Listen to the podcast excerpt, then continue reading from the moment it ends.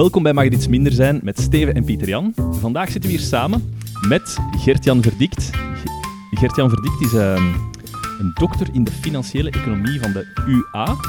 En ehm, jij bent gedoctoreerd in welke maand van dit Juni. jaar? Juni. Heel recent. Ik kon er helaas niet bij zijn, ehm, want ik had examentoezicht en zo. Maar ik heb maar dan een lame excuus. Ja, sorry.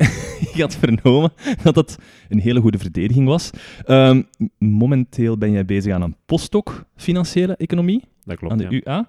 Ehm, lecturer in Finance, Rotterdam School of Management, heb ik gelezen. Dat klopt ook. Ehm, binnenkort verhuis je dan ook naar Australië, Ja. waar dat je... oh, Assistent-prof. Assistent. Wow, Ja. echt? Melbourne. Cool. En echt een vaste betrekking? Voor één jaar. Ah ja, Ja. oké. En dan verder zien. Ja, dus ik ben nu aan het solliciteren voor andere plaatsen, waaronder de KU Leuven. Ehm, en die zouden altijd zo september, oktober beginnen. Ja. En om die tijd toch te overbruggen, want mijn contract in Antwerpen loopt af 31 december. Oké. En ik moet nog ergens van kunnen leven. Dus Ja. gaan we ergens anders leven. Voilà. Surfboy. Ja. En waar? Waar was In Melbourne. Ah ja, oké. Ja. Daar is het warm, hè? Het is in de zomer dat we naar daar gaan. Ja, dus, het is eh, dat.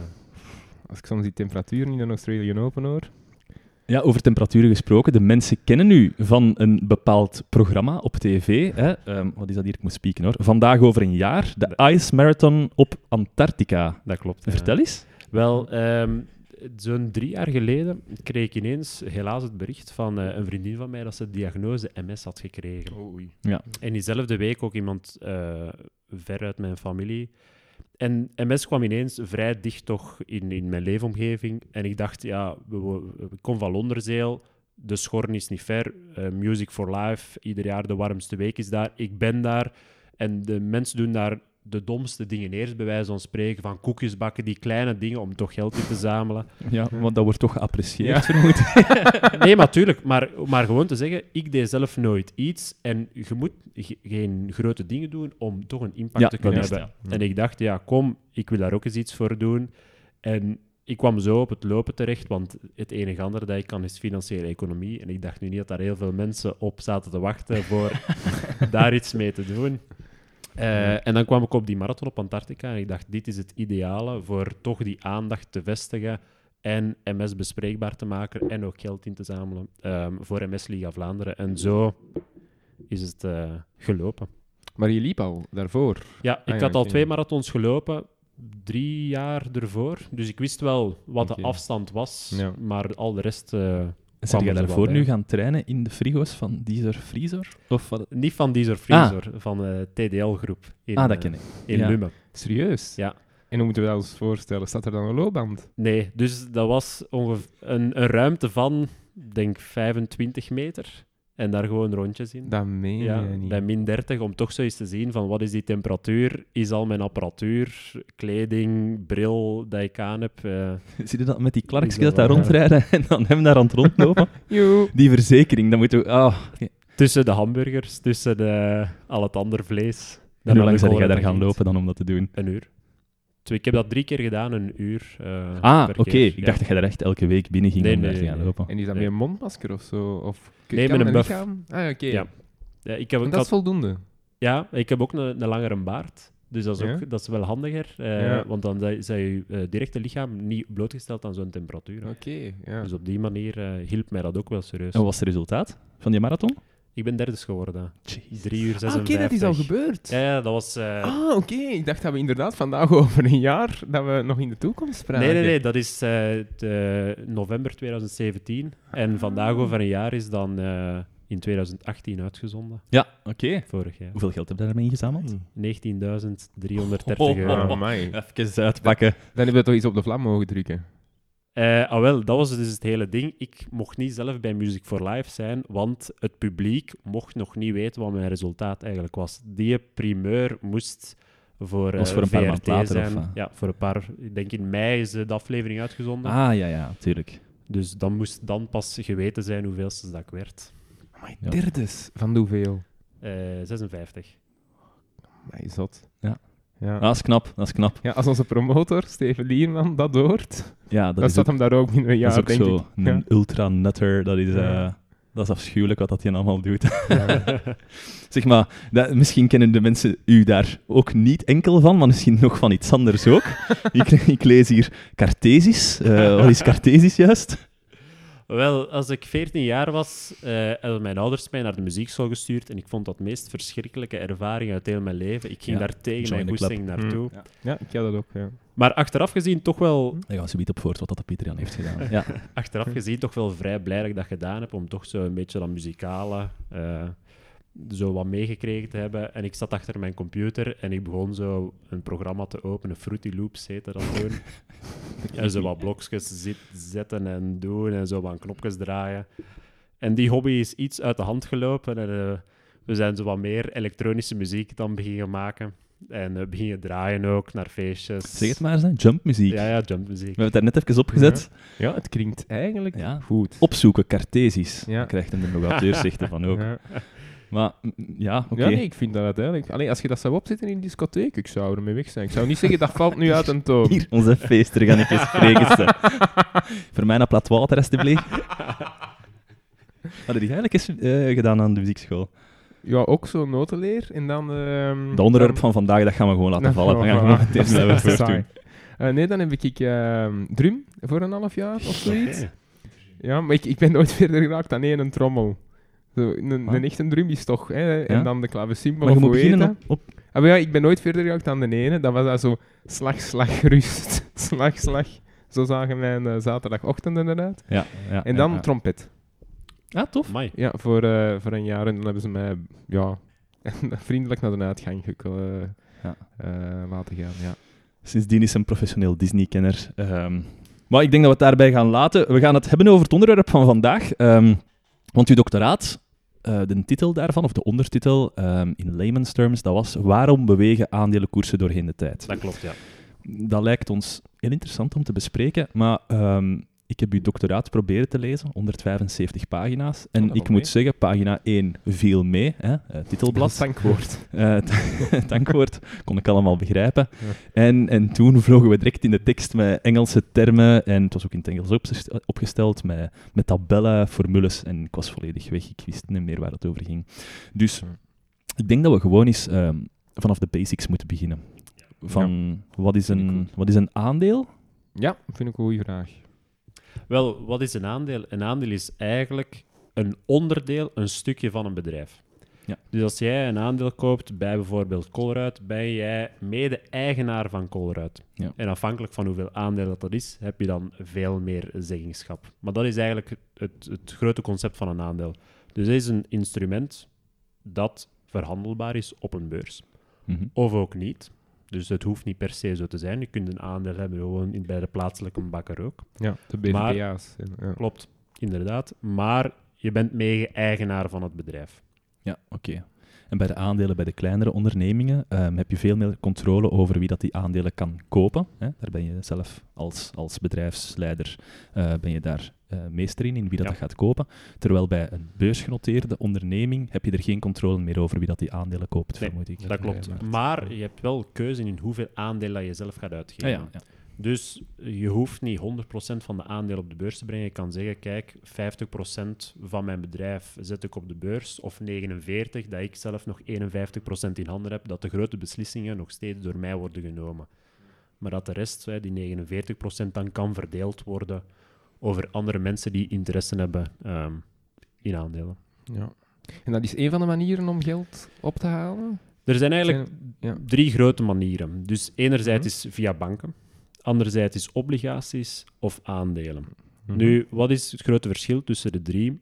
Bij banken, je hebt een één-op-één relatie met een bank. Een bank gaat strengere of kan strengere eisen opleggen. Dus op korte termijn moet je eh, zoveel winst maken om die interesten terug te betalen. Bankleningen zijn meestal ook beperkt in de tijd. Dan kunnen we naar obligaties gaan. Obligaties is eigenlijk hetzelfde als een lening. Zo kan je dat voorstellen, maar dan bij particulieren.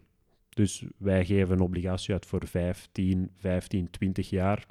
Ehm, ook aan een vast be- besproken bedrag. Dus ieder jaar moet er 2% betaald worden op de nominale waarde, heet dat dan. Dus Mm.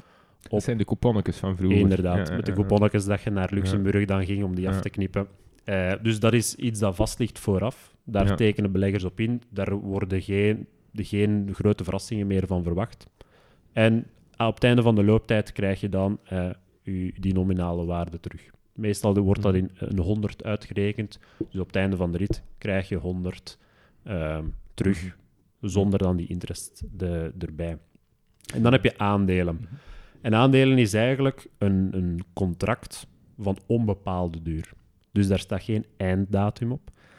En ehm, waarom gaan mensen toch in die aandelen beleggen? Is omdat eh, ze enerzijds mee het bedrijf kunnen sturen, of toch kunnen leiden, of beslissingen kunnen nemen in een eh, algemene aandeelhoudersvergadering, die ieder jaar moet gehouden worden.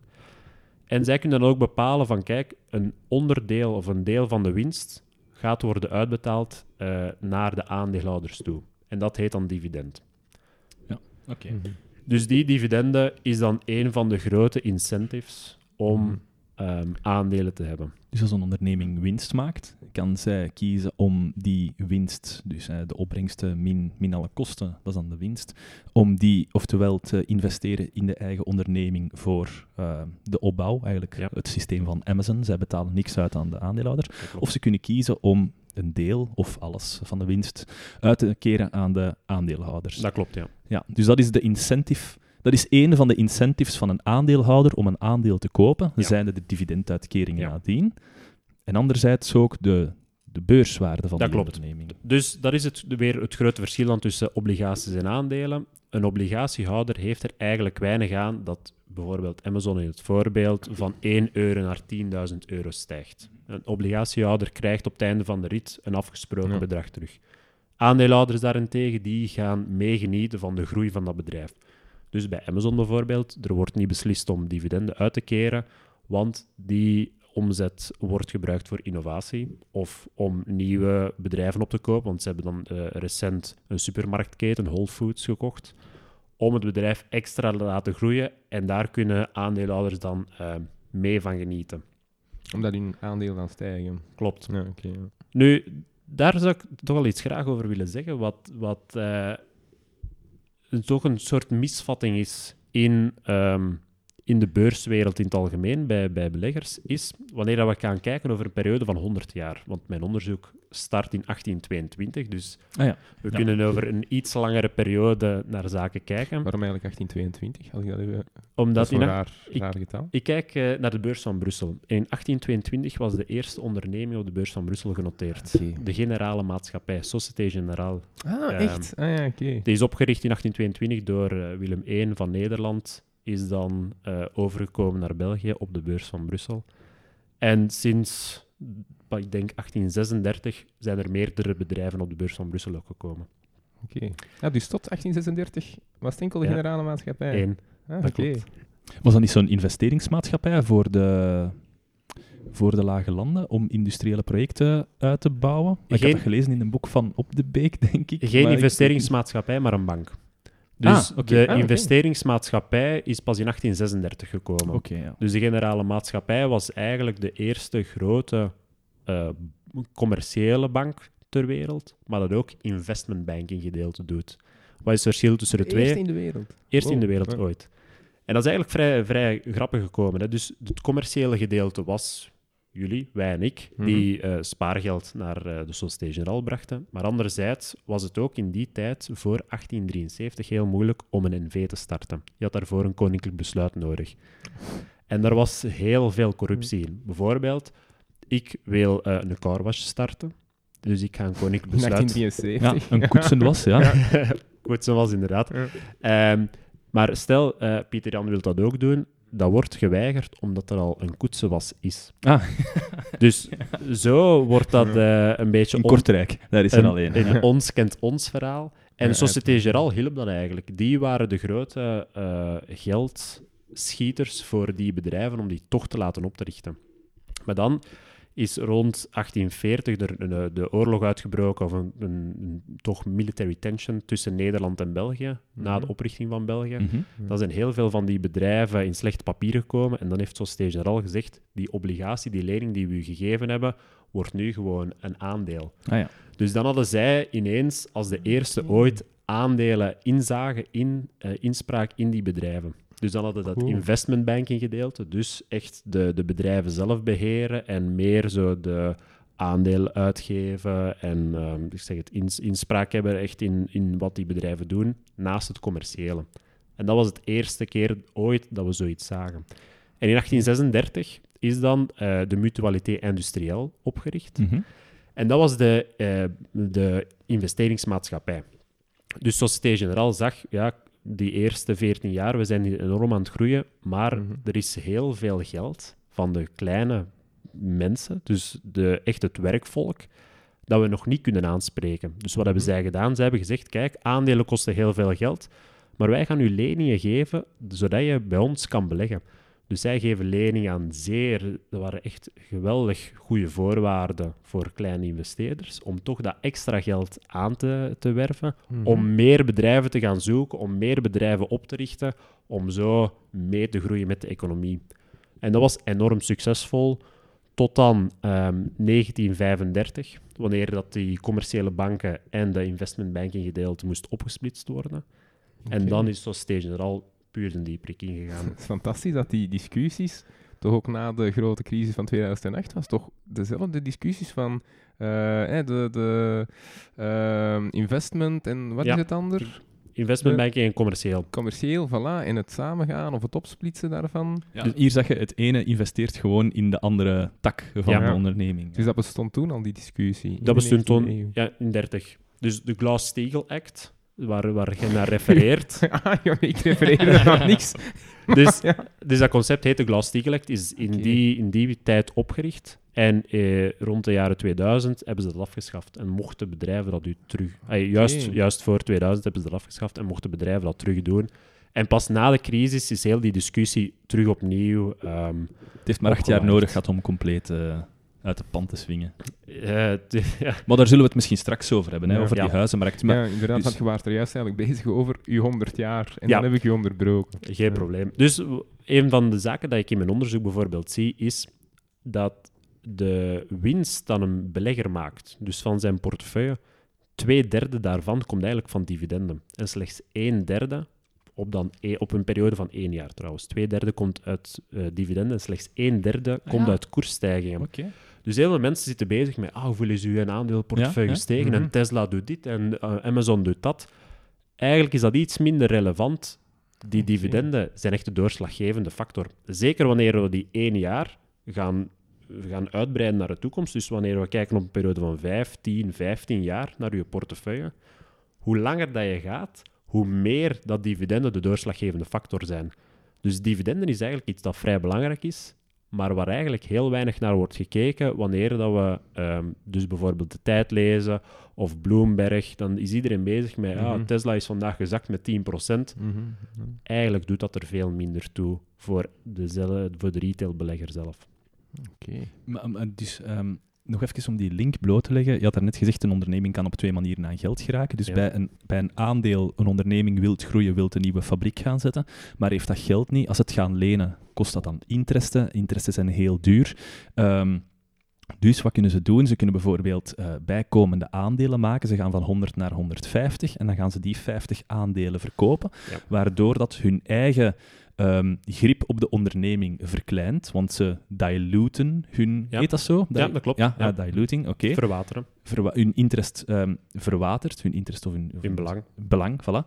Eh, en, en ze laten eigenlijk andere personen toe in de onderneming. Ja. Maar dat moet niet altijd met een stemrecht zijn, vermoed Nee, dat dan. klopt. Dus je hebt verschillende soorten van aandelen. En dat heet dan met classes. Class A, Class B, Class C of meerdere. Google is bijvoorbeeld zo'n geweldig voorbeeld, of Facebook. Je hebt wel inspraak ehm, bij bepaalde classes, maar dat hoeft niet per se altijd inspraak te zijn. Dus je kunt perfect bij, bij Facebook bijvoorbeeld een aandeel kopen zonder dat je naar de algemene aandeelhoudersvergadering mag gaan en mag stemmen. Ja. Maar je kan wel meegenieten van de dividenden en van, ehm, van de winststijgingen zelf. Maar om op uw uw vraag een beetje terug te komen en het in een groter geheel schetsen, is eigenlijk de vraag is, wat is een beurs? Een beurs is eigenlijk vrij eenvoudig gezegd een samenkomplaats van mensen die geïnteresseerd zijn in twee zaken. Enerzijds tijd en anderzijds risicospreiding. En met tijd beginnen. Wij zijn hè, met drie, bij van spreken, een onderneming. Wij hebben vandaag geld nodig. Dus wij gaan naar die mensen, aandeelhouders, die vandaag geld kunnen missen en slechts in de toekomst terug dat geld nodig hebben. En dat is voor onbepaalde duur. Dus dat is die tijdspreiding waar we over spreken. Maar dan ook risico. Want zoals ik daar straks zei, je kan naar een bank gaan, maar een bank is ook maar beperkt in hoeveel geld dat ze willen geven en hoeveel geld dat ze kunnen geven. Bij een aandelenbeurs kun je zoveel meer mensen aanspreken die voor een klein deel risico willen spreiden met elkaar. Want als wij aandeelhouder willen worden, kunnen wij dat geld al met drie gaan ehm, verspreiden. Mhm. En met, met drie al delen. Dus het Mhm. risico, het totale risico dat we zelf nemen voor dat bedrijf, voor ons dan, is veel kleiner, want we delen het geld in drie. Ja. Mhm. Maar het, eh, het bedrijf zelf heeft nog altijd wel zijn geld. Dus daarom, dat is eigenlijk het hele idee van, van de beurs. Dat is die risicospreiding en dat is die tijdspreiding. En in de return van het bedrijf zelf geven die dan die dividenden en geven die dan meestal, hè, zoals je daar juist zei met die classes, inspraak in het bedrijf zelf te leiden om die beurskoers omhoog te krijgen. Ja. Is dat wat je dan ziet bij de, bij de Fortis-vergadering, die voorgezeten werd door Jean-Luc De Hane, dat de mensen daar dan in de zaal Dat was zitten? Dexia, en die- hè? Nee, Was dat Dexia? Dat, is, ja. dat is Dexia, maar Oh, excuses. het, ja. eh, het geweldige voorbeeld is inderdaad al direct door de man. Maar de Lipes, de Lipes, was niet Ja, de Lipes? Die, ja. 2008 met die schoenen dat worden gesmeten. ehm, Wat was dat met De Hane? Dexia, dat was eh, die Ah, periode ja. ook, ja. Ja, ja. Dexia, eh, de Haan was voorzitter van Dexia. Maar die heeft geen schoenen als een kop wel? Nee, Die smeet Dex- ze terug waarschijnlijk. Dexia, Dexia heeft toen ook iets, relatief gezien weliswaar, iets eh, minder slecht gedaan dan, dan Fortis. Fortis was een grote blamage eh, in de hele financiële crisis. Maar ik wil maar zeggen, die zaal die zit daar vol met mensen die dat denken, oké, wij gaan hier nu een stem gaan krijgen. Of was dat eerder gewoon het delen van het nieuws ten aanzien van de aandeelhouders? Ehm, de combinatie van de twee. Ah ja, ja Dus zeker wanneer dat je die beelden terugziet, eh die mensen willen inderdaad first-hand information. Zij kunnen vragen stellen. Dus elke vraag mag gesteld worden daar. Ja. Iedereen krijgt de kans om een vraag te stellen. En als jij de vraag wilt stellen, wat, hebt u, wat heeft u vandaag gegeten? Zij moeten daar een antwoord op geven. Zelfs Ja. als dat niks met het bedrijf zelf te maken heeft, moet je daar een antwoord op geven. Dus dat is al een Om hele... belangenvermenging bijvoorbeeld eh, te ontdekken. Nee, om gewoon te weten van, ja, waar denken die mensen, dus de bedrijfsleiders... Ach zo, ja.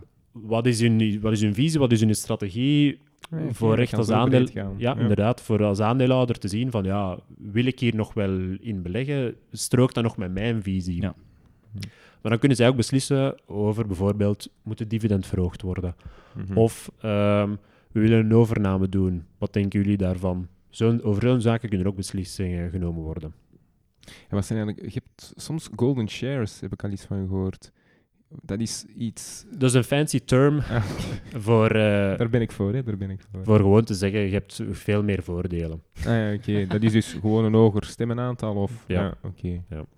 En als je nu naar de beurs wilt, als bedrijf, is dat makkelijk of zijn daar veel voorwaarden aan verbonden?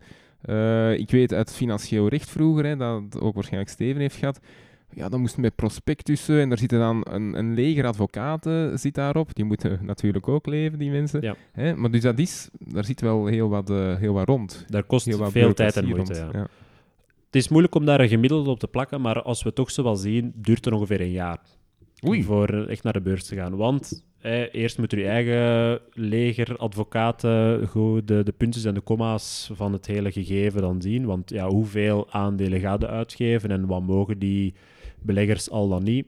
Meestal krijgen zij een gewoon aandeel, maar zoals je daar juist zei bij Facebook, zijn dat andere voorwaarden dat ze dan krijgen. En Ik heb gehoord bijvoorbeeld bij de, ehm, de Eurotunnel, dat je dan de voordelen kreeg dat je ehm, goedkoper de trein kon nemen. Ah, echt? Kan het zo triviaal zijn? Ja. Ah. Een ander voorbeeld is Compagnie des Alpes. Daar heb je de keuze, je krijgt een gratis... dat? Compagnie? Dus dat is eh, een bedrijf die ehm, is nu Wallaby of een ander pretpark Ah. uit, uitgeeft, maar ook veel skigebieden Mhm. Oh. heeft. Dus daar krijg je de keuze om bijvoorbeeld eh, een gratis skipas te krijgen, als je zoveel aandelen Dat hebt. kan dus inderdaad Ja. heel triviaal worden. Ja, ehm, dat is nu wel een, een extreem voorbeeld, maar bijvoorbeeld Duvel vroeger was ook beursgenoteerd. Daar kreeg Hm. je eh, een bak Duvel als je naar de aandeelhoudersvergadering Ah, ging. Bij Lotus krijg je ook heel veel eh, extra's.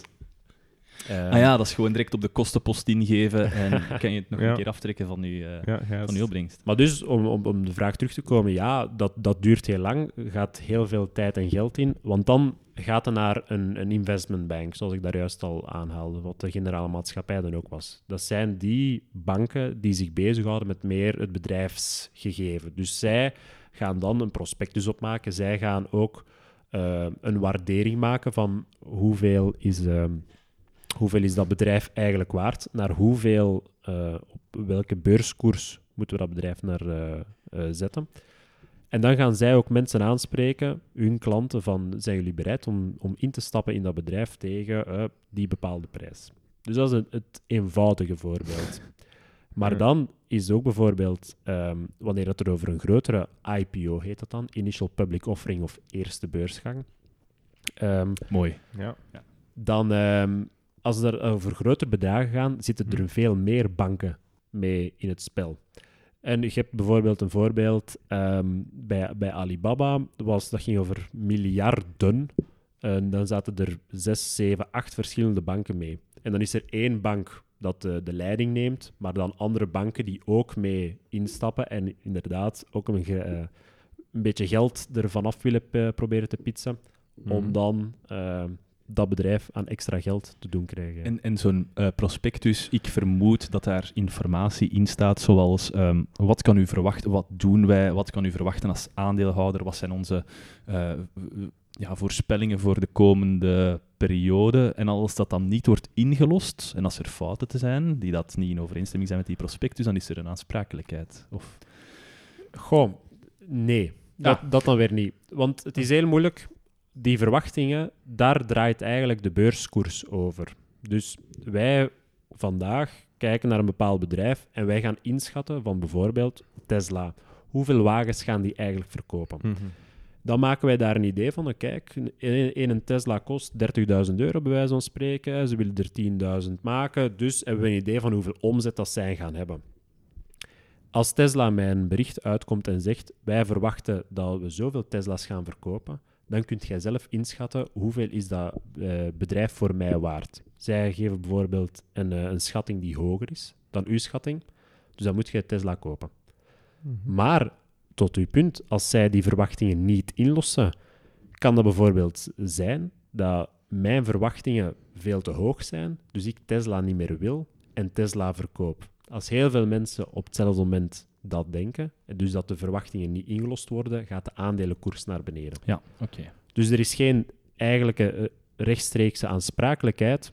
Er is wel de, de reflectie op de beurskoers van wat mensen eigenlijk denken over een bedrijf. Dus bij zo'n prospectus moet je als onderneming je verwachtingen niet al te hoog inschatten. Hè? Ja, wel hoog genoeg, want anders gaan de mensen het niet kopen in je initial public offering. Maar Ja. ook niet te laag, want anders gaan... Ja, eh, te, te laag, anders gaat niemand het kopen. En ook niet te hoog, want anders Hmm. kunnen klopt. nadien erop worden afgerekend in een verlaagde beurskoers. Voilà. Ja. En dat is ook een van de zaken dat dan de, die investmentbanks doen. Die geven de eerste koers. Mhm. Ehm, en dan is het, de- met, wanneer het de beurs open gaat, dan zie je meteen wat denken beleggers van de hele Ja. research dat die investmentbank dan gedaan heeft. Als dat niet strookt met de werkelijkheid, Mhm. zie je dat eh, die koers naar beneden duikt. Ah ja, je hoort dat vaak. Hè. Voor 10 Ja. dollar komen ze op de markt en ze sluiten af met 100 dollar Ja. bijvoorbeeld. Dus Ja. dat wil zeggen dat de mensen het heel rooskleurig inzien. Dat, was, dat wil voor inderdaad zeggen dat de mensen heel rooskleurig inzien en dat ze eigenlijk veel meer geld hadden kunnen ophalen. Want voor een bedrijf zelf, als ze naar de beurs komen tegen die 10 dollar, zij krijgen hun geld. Als dat een dag erna stijgt naar 100, een bedrijf zelf ziet daar niks van. Van die Ah, dus zij 90. krijgen hun geld van de investmentbank dan? Van de, de eerste keer dat mensen kopen. Dus mensen schrijven in voordat eh, de beurs open gaat. En Ah, van zodra dat de beurs open gaat, zijn het andere mensen die ook mee Dan zijn die aan- aandelen al weg voor het Ja. bedrijf. Dus een beurs, wat we eigenlijk zien, is eigenlijk een secundaire markt. Ah, Dat zijn mensen, individuelen, die eh, kopen en verkopen. IPO's, dus die eerste beursgang, dat is de primaire markt. Dus, dus als een onderneming zegt, wij gaan een IPO doen en wij verwachten 5 miljoen dollar op te halen, Ja. dan is dat 5 miljoen. Dan is dat Ongeacht 5 wat dat miljoen. de beursmarkt nadien doet, Absoluut, 5 klopt. miljoen. Ja. Maar het kan wel zijn dat eh, de relatieve waarde op de beurs van, die, van dat aantal aandelen niet 5 miljoen is, maar 500 miljoen op het Ja, eind van de dag. dat klopt. Ja. Amai. En zeg, als er nu zoveel gatekeepers zijn die inderdaad daar een check op doen, hoe komt het dan dat er nog zoveel allee, bullshit bedrijven? Je hebt dat toch vaak, hè, met, we komen er misschien straks op terug, met die dotcom-bubbel. Ja. Hè, dat er bedrijven dan denk ik naar de beurs gaan hè, met een .com achter en dan enorm, eh, enorme ja, ehm, aandelenkoersen, allee, stijgende Ja. aandelenkoersen genereren. Dat is dan toch heel raar als je al die checks hebt vooraf.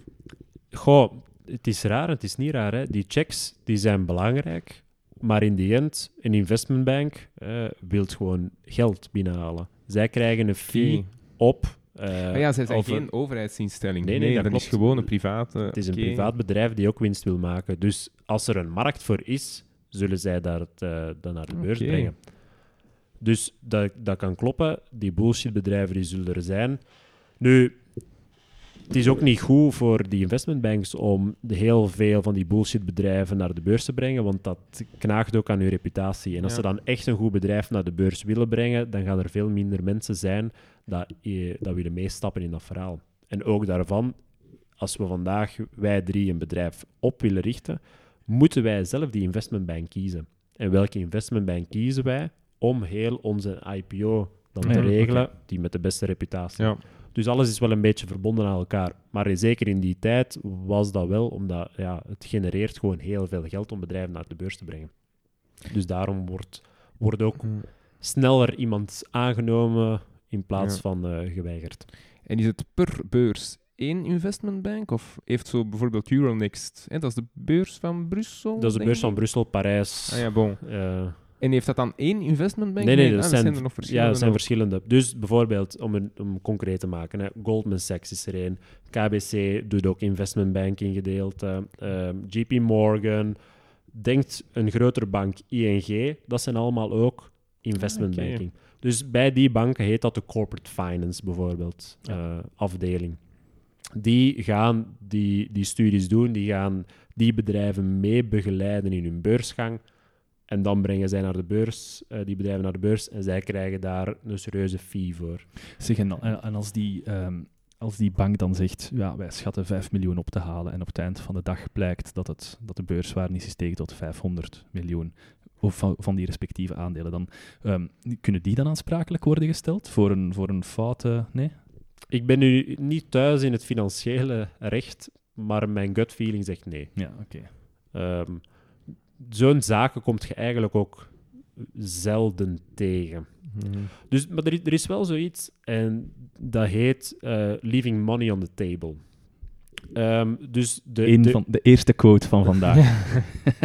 er gaat er nog komen. Ehm, en dat is de, om een andere quote aan te geven dat eigenlijk hetzelfde, hetzelfde te, te maken heeft, is Geert Nuls bijvoorbeeld, Ja. de bekende econoom, heeft ooit gezegd dat IPO's flippo's zijn. Free lunch at IPO. Dus dat bedrijven eigenlijk, stel dat een bedrijf 15 euro waard is, eigenlijk iets daaronder naar de beurs worden gebracht tegen 14, 13, 12 euro Mhm. om toch extra mensen en extra hype te creëren. Want Ja. wat lezen we de eerste dag? Als een, als een IPO Tuurlijk. met 20% Ja, absoluut. stijgt, Ja. dat is weer extra. Het is dat. De mensen hebben een goed gevoel ook. ehm Voilà. Mond-aan-mond reclame. Ja. Dus dat wil ook dan zeggen, die leaving money on the table. Stel dat dat bedrijf tegen 12 naar de beurs is gekomen, maar eigenlijk 15 waard is. Dan die 3 euro per aandeel is, ge- is geld dat ze eigenlijk hadden kunnen ophalen, maar Ah, niet ja, hebben gedaan. Ja, maar toch mooie publiciteit mee. Maar inderdaad, mooie publiciteit. sauter. Ja, Ja. maar, maar ehm, er zijn ook nadelen verbonden aan, aan de beursgang, eh, zoals eh, rapporteringsverplichtingen, vermoed ik. Ja, dat klopt. Dus een beurs eh, gaat om het kwartaal moet een bedrijf resultaten neerleggen, verwachtingen neerleggen. Want een bedrijf geeft dan twee soorten ehm, press releases. De- dat is enerzijds gewoon de droge cijfers. Eh, hoeveel hebben we omzet gedraaid? Bij Tesla, hoeveel auto's hebben we verkocht? De echt puur droge cijfers. Maar Ja. daarnaast ook echt uitleg van, kijk, het, het jaar is zo gegaan, maar wij verwachten dat er dit gaat gebeuren, wij verwachten dat er dat gaat gebeuren. Dat moeten ze ieder kwartaal doen. Dus dat wil eigenlijk zeggen dat op vrij korte tijd ze altijd worden afgerekend Ja. op bepaalde zaken. En we spraken daar juist bijvoorbeeld van Fortis. Dat is eigenlijk de, de, groot, de grote probleem van de financiële crisis geweest. op vrij korte tijd, dus hè, drie maanden, moeten zij een rapport neerleggen en dat Ja. moet altijd beter. Ja. Want beleggers willen altijd meer, Mhm. moet meer winst zijn. Dus wat, wat gaat er eh, gebeuren? Ze gaan vrij veel risico nemen, of wellicht te veel risico nemen om hun cijfers omhoog te krijgen. Mhm. En dan kan dat ineens volledig fout gaan. En dat is er wat bij Fortis gebeurd is. Daar is ze hebben zoveel risico genomen en ze begrepen het risico niet dat ze namen.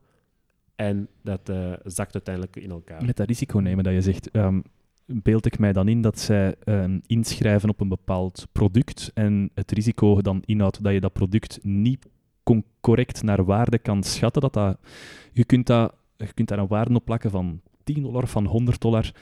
Iedereen kan er wel een uitleg voor geven en volgens elke uitleg lijkt dat wel te kloppen. Tot Schrödinger's cat, totdat je dan echt gaat kijken van oké, wat is de waarde nu, Ja. in het geval van een bubbel, en dan stort ineens alles in.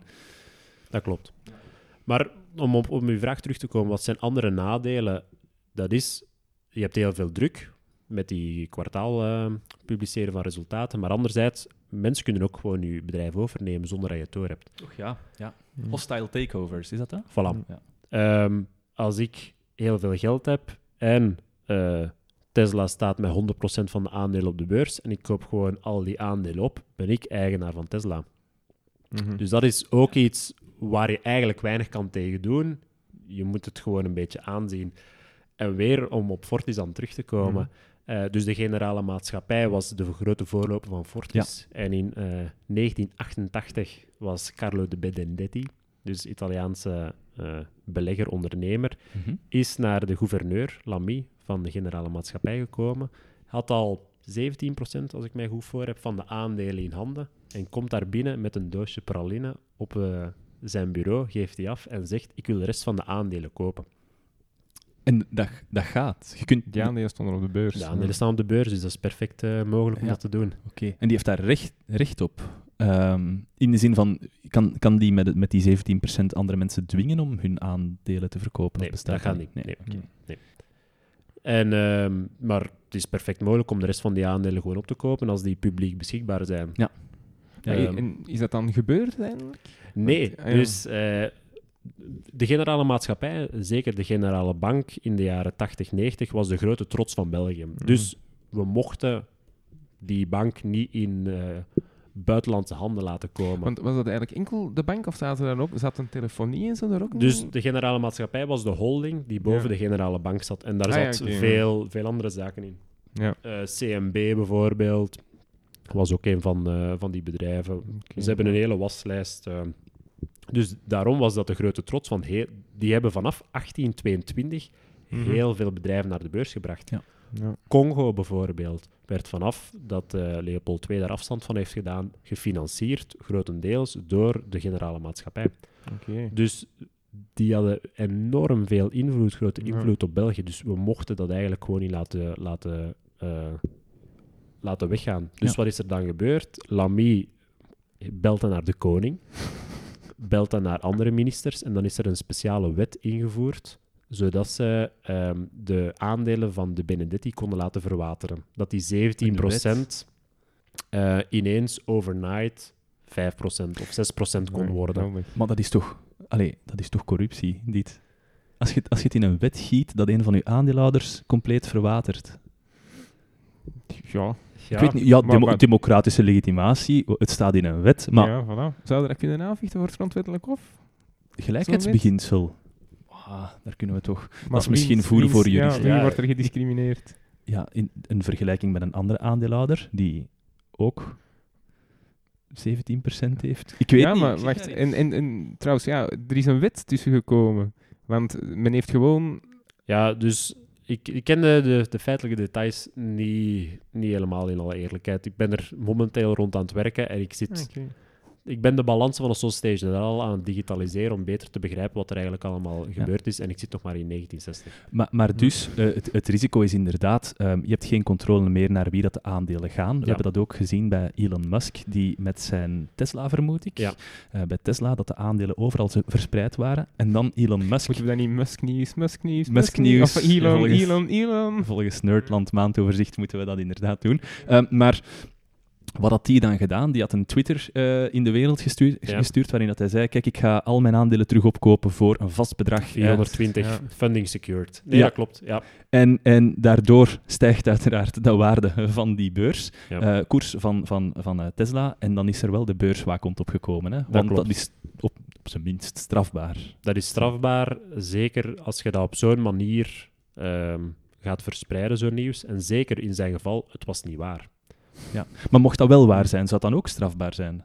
Wederom, ik ben geen eh, jurist, dus Ja. de feitelijke zaken die ken ik niet. Maar wederom, buit, buikgevoel zegt dat is strafbaar. Dat is not done Mm. in de Ja, financiële sowieso, wereld. Sowieso Ja. not done. En Ja. heel veel mensen hebben daarvoor hem op de, vingers getikt. Nu, als wij aandeelhouder zijn van, eh, van Tesla, ik denk dat vandaag 320 dollar staat en wat tegen 420 van de beurs brengen. Ja, ja.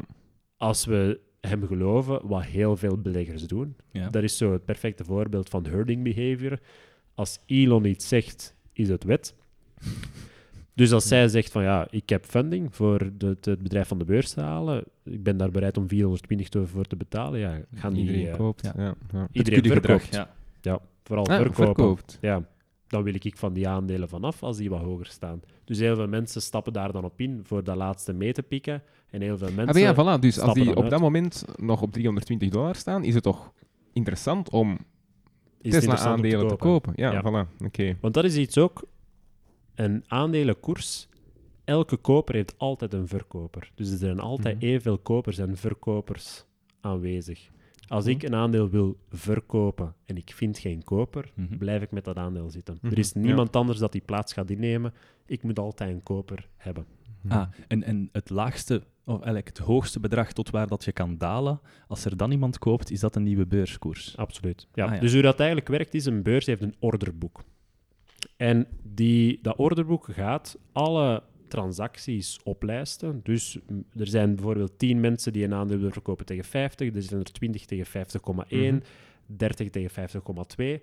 Die En willen die geven dat op voorhand aan. Ik wil verkopen tegen dat bedrag. Dat is iets dat wij doen. Dus wij geven via een beursplatform of de, in, een- de beurs zelf ons order in. Ja, van kijk, wij willen ja. Tesla kopen tegen 50. ehm, dus dan, dan noteert de beurs dat. Zij gaan zien tegen welke bedragen willen bepaalde mensen verkopen. En dan gaan zij op elk moment ervoor zorgen dat er zoveel mogelijk transacties kunnen gedaan worden. Ja. Dat is iets, ik, ik leg het nu lang uit, dat duurt Ja. milliseconden. Maar zij gaan ervoor zorgen dat zoveel mogelijk transacties gedaan worden en dat is de nieuwe beurskoers. Oké. En als ik het nu goed begrepen heb uit uw uitleg, is er wel een scheiding ergens tussen het beursverhaal en de gezondheid van een bedrijf. Een bedrijf kan perfect gezond of ongezond zijn, los van eigenlijk die beurskoers. Hè. Die beurskoers kan iets anders reflecteren dan de gezondheid van, van het bedrijf. Ja. Begrijp ik dat? Nee, nee dat, is, dat is perfect. Dus dat is iets wat we daar straks ook al zeiden. hè. Het gaat over verwachtingen. Een beurskoers is eigenlijk hoe dat we het leren in, eh, in de Mhm. universiteit aan studenten is de beurskoers is ehm, de, de huidige waarde van alle toekomstige dividenden. Dus alles wat een bedrijf wilt gaan produceren in de toekomst, als we Mhm. dat terugrekenen naar vandaag, dat is de waarde van een, eh, van een bedrijf. Om een voorbeeld te geven, weer bij Tesla, omdat auto's is leuk en auto's is dat we gemakkelijk kunnen voorstellen, is als Elon Musk vandaag zegt, kijk, ik ga volgend jaar 10.000 auto's verkopen, het jaar daarna 20.000, het jaar daarna 30.000, kunnen wij de, met kosten-baten en eh, met te zien hoeveel dat hem dat gaat kosten, hoeveel dat hem gaat opbrengen, terugrekenen vandaag, hoeveel is dat eigenlijk waard, Tesla. Dus het kan bijvoorbeeld zijn dat Tesla nul winst maakt. Nu is de, Mhm. allee, recent heeft ze de eerste keer ooit winst gemaakt, maar stel, het maakt nul winst vandaag. Maar ik verwacht dat volgend jaar die enorm veel winst gaan maken. Mhm. Dus op papier is die winst er nog niet, maar mijn verwachting dat Tesla winst gaat maken is er wel. Ja. Dus ik ben bereid om voor die verwachte winst geld te gaan betalen. Mhm. En dat is iets bijvoorbeeld dat price earnings heet, koers-winstverhouding. Dus de koers van het bedrijf hoeft niet per se hetzelfde te zijn als de omzet van het bedrijf. Ja. Dus Facebook is ook zo'n geweldig voorbeeld. Tesla, Amazon, meestal is dat technologiebedrijven, Mhm. omdat je eigenlijk bereid bent om geld te betalen voor de innovatie die zij gaan brengen en voor Mhm. alle winsten die er in de toekomst gaan komen. Google bijvoorbeeld. Ehm, ze zijn bezig met een Google Glass, ze zijn bezig Mhm. met eh, self-driving cars, Ja. met andere zoekmachines. Ze zijn met zoveel zaken bezig, met Android. Ik verwacht dat Google echt de, de enige marktleider gaat worden, dat de alle zoekmachines van, eh, van de planeet gaat halen. Geen Yahoo meer, geen Bing meer. Ik ben bereid om eh, voor die verwachting vandaag de beurskoers te betalen. Mhm. Dus dan gaat, stijgt die beurs als heel veel mensen hetzelfde denken en hoeft dan niet per se de reflectie te zijn van de waarde van het bedrijf zelf. Mhm. En die price earnings, ehm, wacht, ik, ik ga het mij proberen in te beelden. Dus ehm, de, price, de prijs van een aandeel is ehm 10 of zoiets. En de earnings is, is 1. Ja. Stel u voor, eh, de earnings, ik, ik zie het dan zo, de, omzet, de omzet van het bedrijf gedeeld door het aantal aandelen. Is Ja, dat? Is dat, is Ja. dat ja, oké. Dus 10 over 1, het kost 10 per aandeel, levert het in omzet 1 op. Eh, in winst, sorry, in winst. Dus als die In onderneming... omzet. In omzet. In omzet, ah, Ja. toch. Earnings is omzet, geen winst. Ah, want ik dacht, ah, want als ze alles gaan uitkeren in dividenden, zou het 10 jaar duren eer dat uw aandeel is terugbetaald. Was het zoiets? Was- Ehm, dat is earnings yield, heet dat. Oei. En dat, maar, is. Ik, ik ben er hier wat over. Ja. maar het is inderdaad dat is het omgekeerde. Ah, ja. Dus ehm, earnings yield, dus eh, omzetsrendement, Mhm. is een percentage. Dus bijvoorbeeld in uw geval, dat is 10%, want 1 doet 1 gedeeld door 10. Ah, zo, ja, dus natuurlijk. Ja, dan ja. krijg je ehm, een rendement eigenlijk van 10% voor elk aandeel dat je koopt. En dan duurt het inderdaad 10 jaar als, eh, als er met het bedrijf zelf niks gebeurt, eer dat u volledige... En dat is op belegging. zich, ja, voor de rest, voor zover dat de omzet niet zou stijgen en de Ja, winst niet zou stijgen, klopt. dat alles status quo blijft. Ja. Maar je hebt bepaalde Mhm. ondernemingen, ik heb gehoord Amazon, heeft een getal van 300. Dus dat het 300 jaar zou duren eer dat je ene aandeel dat je hebt aangekocht terugbetaald is. Ehm wil dat dan zeggen dat dat voor een ondernemer eh, of voor een aandeelhouder helemaal niet interessant is om in zo'n bedrijf te gaan met een heel hoog bedrag, zoals 300? Of denk je dat dat, dat, dat belang dan uiteindelijk toch nog wel verwatert? Ja, ik ken nu niet de eigenlijke cijfers van Amazon, maar als ik even verder ga op, op die 300, ja, waarom zou een, be- een belegger wel instappen in zo'n bedrijf? Want wat wil die 300 zeggen? Dat is, ik ben bereid om 300 euro bijvoorbeeld te betalen voor iedere euro omzet die Amazon maakt. Mhm. En dat is als ik verwacht met mijn eigen model dat ik na, gemaakt heb thuis, of met mijn eigen gewoon pure verwachtingen, als ik daarover nadenk, is dat die 300 niet klopt. Dat het eigenlijk 400 moet zijn. Dat Ah, zij ja, zo'n positie kunnen genereren op de markt, Mhm. dat dat eigenlijk ondergewaardeerd staat, heet dat dan. Want mijn inschatting is dat het 400 moet zijn. Dus dan ben ik bereid om dat aandeel te kopen om mee te kunnen genieten van die beurswinst. Of als ik zo'n belang heb in, in Amazon, dat ik Amazon kan gaan verplichten om eh, dividenden te gaan betalen. Want Ah ja, ja. je hebt de, de Microsoft en de Apples, zij hebben ook heel lang nee gezegd tegen dividendbetalingen, maar zijn uiteindelijk ook geplooid voor hun aandeelhouders en zijn ook een deel in dividenden gaan, te, gaan uitbetalen. Dus als er een, iemand gelijkaardig is dat dat bij Amazon ook kan doen, ja, dan kan je daar ook van meegenieten. Ja. Maar dat is het idee. De- de- er is een beurskoers en er zijn heel veel mensen die denken dat het bedrijf minder waard is. Er zijn heel veel mensen die denken dat het bedrijf meer waard is. Als, de mensen zijn, als er meer mensen zijn die denken dat het bedrijf meer waard is, gaan er veel meer gekocht worden. Mhm. En gaat die beurskoers inderdaad de hoogte in. Ja. En hoeft niet per se de, de werkelijke reflectie te zijn van, ehm, van wat het eigenlijk waard is op papier. Mhm. Die price earnings, die koers-winst, is veelal hoger bij technologie, ehm, biotech, zo de meer fancy Hype bedrijven. Eh, dat gaat veel lager zijn bijvoorbeeld bij die, die grote mastodonten die we kennen, Coca-Cola, eh, Unilever. En Ja. is dat gewoon door de hype? Dat is... Dat, omdat mensen meer vertrouwen in het feit dat dat investeringsteam technologiebedrijven zijn die later hun rendement gaan... Het grote onderscheid tussen de twee, het- de ene, dus de, de mastodonten, de Coca-Cola's, zijn waardebedrijven. Je koopt echt een bedrijf die, die waard Machines. is. Die... Ja. En de andere zijn groeibedrijven. Daar koop je eigenlijk het verwachte rendement meer. Een droom. Een stuk. Voilà, Ja. inderdaad. Ja. En eh, wat ik interessant vind, hè, dus het niet reflecteren van de waarde. Heel concreet, om terug te gaan naar Fortis. Tien jaar geleden, elf jaar geleden, stond Fortis er eigenlijk zo slecht voor dan? Oké, die beurskoers was gecrashed naar, wat is het? 50 cent. 50 cent, ouch. Ja. Maar was het eigenlijk zo? Allee, ik heb dan de run... eh, oei, ik hoor mezelf niet Ja. meer. Hallo? Ja? Ja. Horen we onszelf nog? Ja. Ja. Dus eh, Fortis, hè, je had eh, Ja. die, die, die beurscrash gehad en dan die run on, the, run on the bank, wat natuurlijk waarschijnlijk een impact zal hebben op de financiële gezondheid van zo'n bedrijf. Ja. Maar daarvoor was er eigenlijk zo'n zo'n groot probleem. Er was een gigantisch probleem. Ah, toch. Maar mensen konden gewoon niet inschatten hoe groot dat het probleem was. Ik, ik zal het even kaderen, want eh, Steven uh, hint daar juist er ook al op, op eh, het hele Fortis gegeven. Dat is, Fortis deed eigenlijk eh, in een heel lucratieve business dat CDO heet. Typisch aan, aan, aan financiële Dat markten. Collateralized Debt Obligation. Ja. Oh, hebt u ingelezen. Ja, nee, dat is van die film, hè, The Big Short. Ja, Iemand een hele goede film wel, hè? een hele goede film Ah. dat perfect op vrij eenvoudige manier uitlegt wat het grote probleem was. Ja. Is dat die met Ryan Gosling? Ja. Ja. Ah, Oké, Ja, ja, ja. Ik heb hem nog niet gezien. En Steve Carell. Aanrader. Nee, dus wat is inderdaad die CDO, die collateral, Collateralized Debt Obligation? Dat is een apart bedrijf dat eh, heel veel ehm, zaken gaat kopen, meestal aan die obligaties, hè, debt, en daar collateral tegenover zet. Ehm, geld, andere zaken, maar dat Mhm. is, eh, ik kan even op het Nederlands woord niet komen, maar collateral eh, onderpacht. Dus die zetten daar iets Hmm. tegenover. Ja.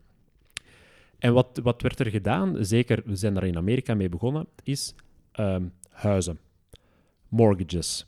Dus eh, ze gaan heel veel huizen in Hmm. verschillende staten eh, dat bij een bank op hun balans staat, in één product gooien. Dus- Hypothecaire leningen. ja, hypothecaire leningen.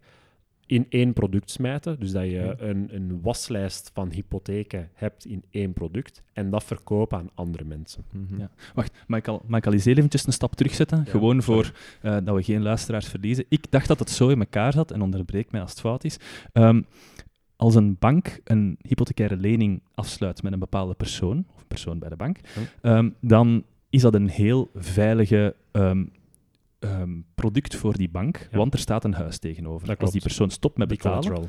Voilà, die, ah, dat is de Ja. collateral. Voilà. Ehm, dan wordt het huis verkocht. Nu, het probleem is, die looptijd hè, gaat over een heel lange periode, 20, 25, Ja. 30 jaar. Dus dat wil zeggen dat je over die heel lange periode een heel klein beetje opbrengst krijgt, eh, winst krijgt uit dat Ja. financieel product. Maar als de bank nu een aantal van die ehm, hypotheken samenbundelt en dan verkoopt, dan krijgt zij meteen, hè, op het moment van die verkoop, ehm, een zeer grote winst, die weliswaar niet gelijk is aan de gehele winst van al die verschillende hypotheekproducten. Want ja, er moet natuurlijk een klein percentage Mhm. opgenomen worden voor de koper, Ja. die dat dan zelf dat product in handen heeft. Ehm, maar dat geeft de bank wel nieuwe middelen om nieuwe hypotheken ehm, af te sluiten. Dat klopt. En door dan die kwartaalverplichtingen kunnen zij meer en meer en meer hypotheken gaan Ja. verlenen. En kunnen zij ook denken, ja, het risico zit niet meer bij ons. Want waar zat vroeger het risico van de bank? Over die periode van 20, 25, 30 jaar. Als iemand niet meer kan betalen, dan is dat een risico van de bank. Ja. Maar als de bank na één maand na de hypotheek te hebben gesloten het product al kan verkopen, dan is er geen enkel risico. Ja. Dus kunnen we risicovoller gaan. Geen enkel risico is nu, veel, is nu veel gezegd. Maar inderdaad, het is, het is wel wat, wat je zegt. Wat, wat is het grote risico van een bank? Is, wij geven spaargeld aan de, aan de, aan de bank en wij kunnen dat spaargeld op elk moment opvragen. Ja. Mhm. En daar staat aan de andere kant van de balans iets tegenover dat 20, 30, 40 jaar kan duren, die hypotheken. En dat is Ja. het grote risico van de bank. En dat is waar je ook zei, dat is het grote probleem van de, een bankrun. Mhm. Dat is dat heel veel van die middelen niet vandaag Ja. cito presto kunnen verkocht worden. Dus het geld dat wij op de bank hebben staan, hoeft niet per se fysiek aanwezig te zijn in een bank. Dat zit in veel andere zaken, Ja. aan leningen, aan die hypotheekleningen. Dat is waar inderdaad het grote probleem bij, bij de banken zit. Maar nog iets anders is wat zij hebben gedaan als zij die, ehm, die hypotheken verkopen. in, eh, in zo'n pakket, is dat ze veel minder zelf eigen middelen daar tegenover moeten plaatsen. Mhm. Dus je moet veel minder dat spaargeld hebben of dat spaargeld apart houden. Ja. Eh, en dat is waar, waar Fortis dan ook serieus ten onderaan is gegaan. Dus het verschil tussen die twee, dat heet leverage. Hoeveel Mhm. keer ehm, gaan wij hypotheekleningen tegenover eigen middelen zetten? Dus zeker voor 2007 moest dat, dat percentage dat apart werd gehouden voor hè, het geval dat er slecht weer zou zijn, was Mhm. eigenlijk vrij klein. Dus stel nominaal, we kunnen 100 euro uitgeven aan hypotheken, dus Ja. moeten we 10% of zoiets in, Mhm. gewoon in kas Het is- hebben het op elk van- moment. Vandaag 10%, vroeger was het soms 4. ah, ja. drie. ja. Dat wil wel zeggen, als die hypotheken dalen in waarde met 4%, is al uw eigen vermogen wel weg. En Ah, is uw bank gewoon failliet. En dat is het grote probleem van Fortis geweest. Dus Fortis kocht heel veel van die, van die producten aan, waar ze- waarvan zij eigenlijk de, de werkelijke waarde niet konden inschatten. Mhm. Want een van de grote assumpties van de prijs van zo'n hypotheekpackage, van die Ja. CDO, was dat ehm, de huizenmarkt in Amerika robuust was over alle staten heen. Ja. Dus alle staten konden niet tegelijk een serieuze prijsdaling zien in huizen. En 2007 is de eerste keer dat we zagen dat zowel in New York als in Los Angeles een serieuze daling was van de huizenprijzen. Ja, als, men- als mensen hun huis niet meer kunnen afbetalen, dan komen die huizen op de markt te Ja. staan. Maar als natuurlijk dat met heel veel mensen tegelijkertijd gebeurt, is er een overaanbod en is er een vraagprijs die dat taalt en dan... eh, nee, de vraag die dat taalt en dan... Ja. Ja, dat klopt. Want wat, wat Bush... Bush was, was niet de meest populaire president aller tijden. Dat, ik denk in, de, in het huidige licht met Donald Trump dat dat nog kan worden bijgesteld, ja. kan worden bijgesteld. Blinden. Ja. Maar wat, eh, wat Bush wou doen, is Bush was enorme voorstander van die American Dream. Iedereen moest toegang krijgen tot een huis. Dus hij was ook degene die heel veel wetgeving zo versoepelde dat iemand die vroeger eigenlijk niet in, in staat was om een huis te kopen voor, of geld voor te lenen, dat toch ineens kreeg. Ja. Dus heel veel mensen... In Ook ter compensatie van de bodybags die dat terugkwamen ehm, vanuit Irak, had ik gehoord. Afghanistan. Ja, ja, dus Afghanistan. in- inderdaad, om dat ook eh, Ja, oké, wat ja. populairder Wat te maken. verdrinken in het goede nieuws. Ja. Ja. Ehm, en dat heet in, in de, de, de film The Big Short dan subprime. Dus prime is echt de beste leningen. Dus de Mhm. mensen dat wel kunnen afbetalen, Ja. dat een steady job hebben. Maar die mensen die wat een beetje een, een questionable ehm, rating hebben dan bij, bij banken. Dus ja, die in 50 jaar geleden nooit een lening hadden. Voilà, dus Ja. dat geen vast inkomen hebben of een zeer variabel inkomen, Ja. of bij een koppel slechts één van de twee heeft een inkomen, die kregen ineens toch wel een lening. Dus er is ineens een enorme vraag naar een huis, want iedereen kan een huis kopen. Ja. Tot als eigenlijk één iemand bij wijze van spreken vraagt van ja, die huizen zijn eigenlijk toch wel een beetje te veel waard. Ik ben niet meer bereid om te kopen. En dan is dat als een kaartenhuisje in elkaar gezakt.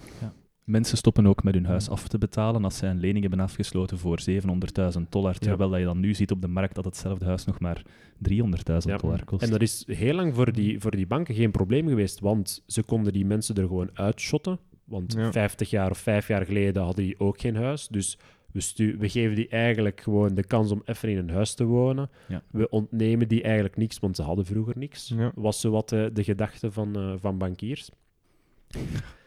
Ja. Ehm, want zij, zij, zij verdienen daar enorm veel geld mee. Maar dan het grote probleem is van als die huizenprijzen ineens inzakken en heel veel mensen willen die CDO ineens verkopen en dan gaan echt mensen kijken van ja, hoeveel is dat eigenlijk waard? Ja. Ja, die assumpties Dan van... komt pas de fictie.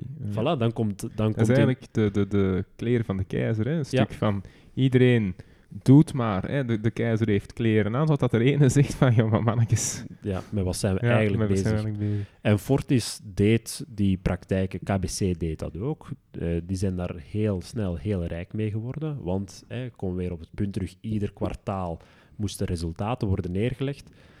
Tot een gegeven moment dat dan ehm, zichtbaar werd van, ja, we kunnen die, die zaken niet verkopen. Ehm, en dan is die koers zo naar beneden gezakt, omdat de, de vrees was dat Fortis gewoon failliet ging. Hm. Want in Laat staan dat nog iemand het wilt kopen, ja, dus... Absoluut, ja. Ehm, Maar dus de koers ging naar beneden, maar dat heeft dan toch voor Fortis op dat moment weinig belang. Oké, natuurlijk met die CDO's wel. Ja. Ja, het heeft weinig belang dat die koers naar beneden gaat. Maar de koers is wel vaak een reflectie van hoe dat met het bedrijf zelf gaat. Ja. Dus dat, als die 50 cent waard zijn, Fortis zelf moet geen geld afgeven of zo aan Mhm, andere ja, mensen. Die zijn nog, hè, hebben evenveel geld. Maar dat wil wel zeggen dat ze in heel slechte papieren zitten. toch. En toen was dan ja, de vraag... Fortis kan failliet gaan, want zeker in Amerika zagen we dat Lehman Brothers, een grote investmentbank, dan, ze hebben die failliet laten gaan, wat ondenkbaar was. En inderdaad laten gaan, maar had die wel kunnen redden? Men had die kunnen redden. Oké. Ze hebben veel, ze hebben alle grote banken bij elkaar gezet toen, hè, de Federal Reserve, dus de Amerikaanse centrale bank. En voor een plan, eh, op, eh, een plan met een plan te bekomen Mhm. om die bank te redden. En zeker in, in het, het fameuze weekend in september eh wou Barclays, dus een Britse bank, Mhm. mee instappen in het verhaal. En dan heeft de ehm, Britse regering gezegd: nee, dit is Mhm. iets wat we niet doen, dit is veel te risicovol. Ah ja, juist. En dan vond niemand een grote koper voor, eh, voor Lehman Brothers en hebben ze die gewoon failliet laten gaan. Want op papier waren ze eigenlijk niks meer waard. Ja.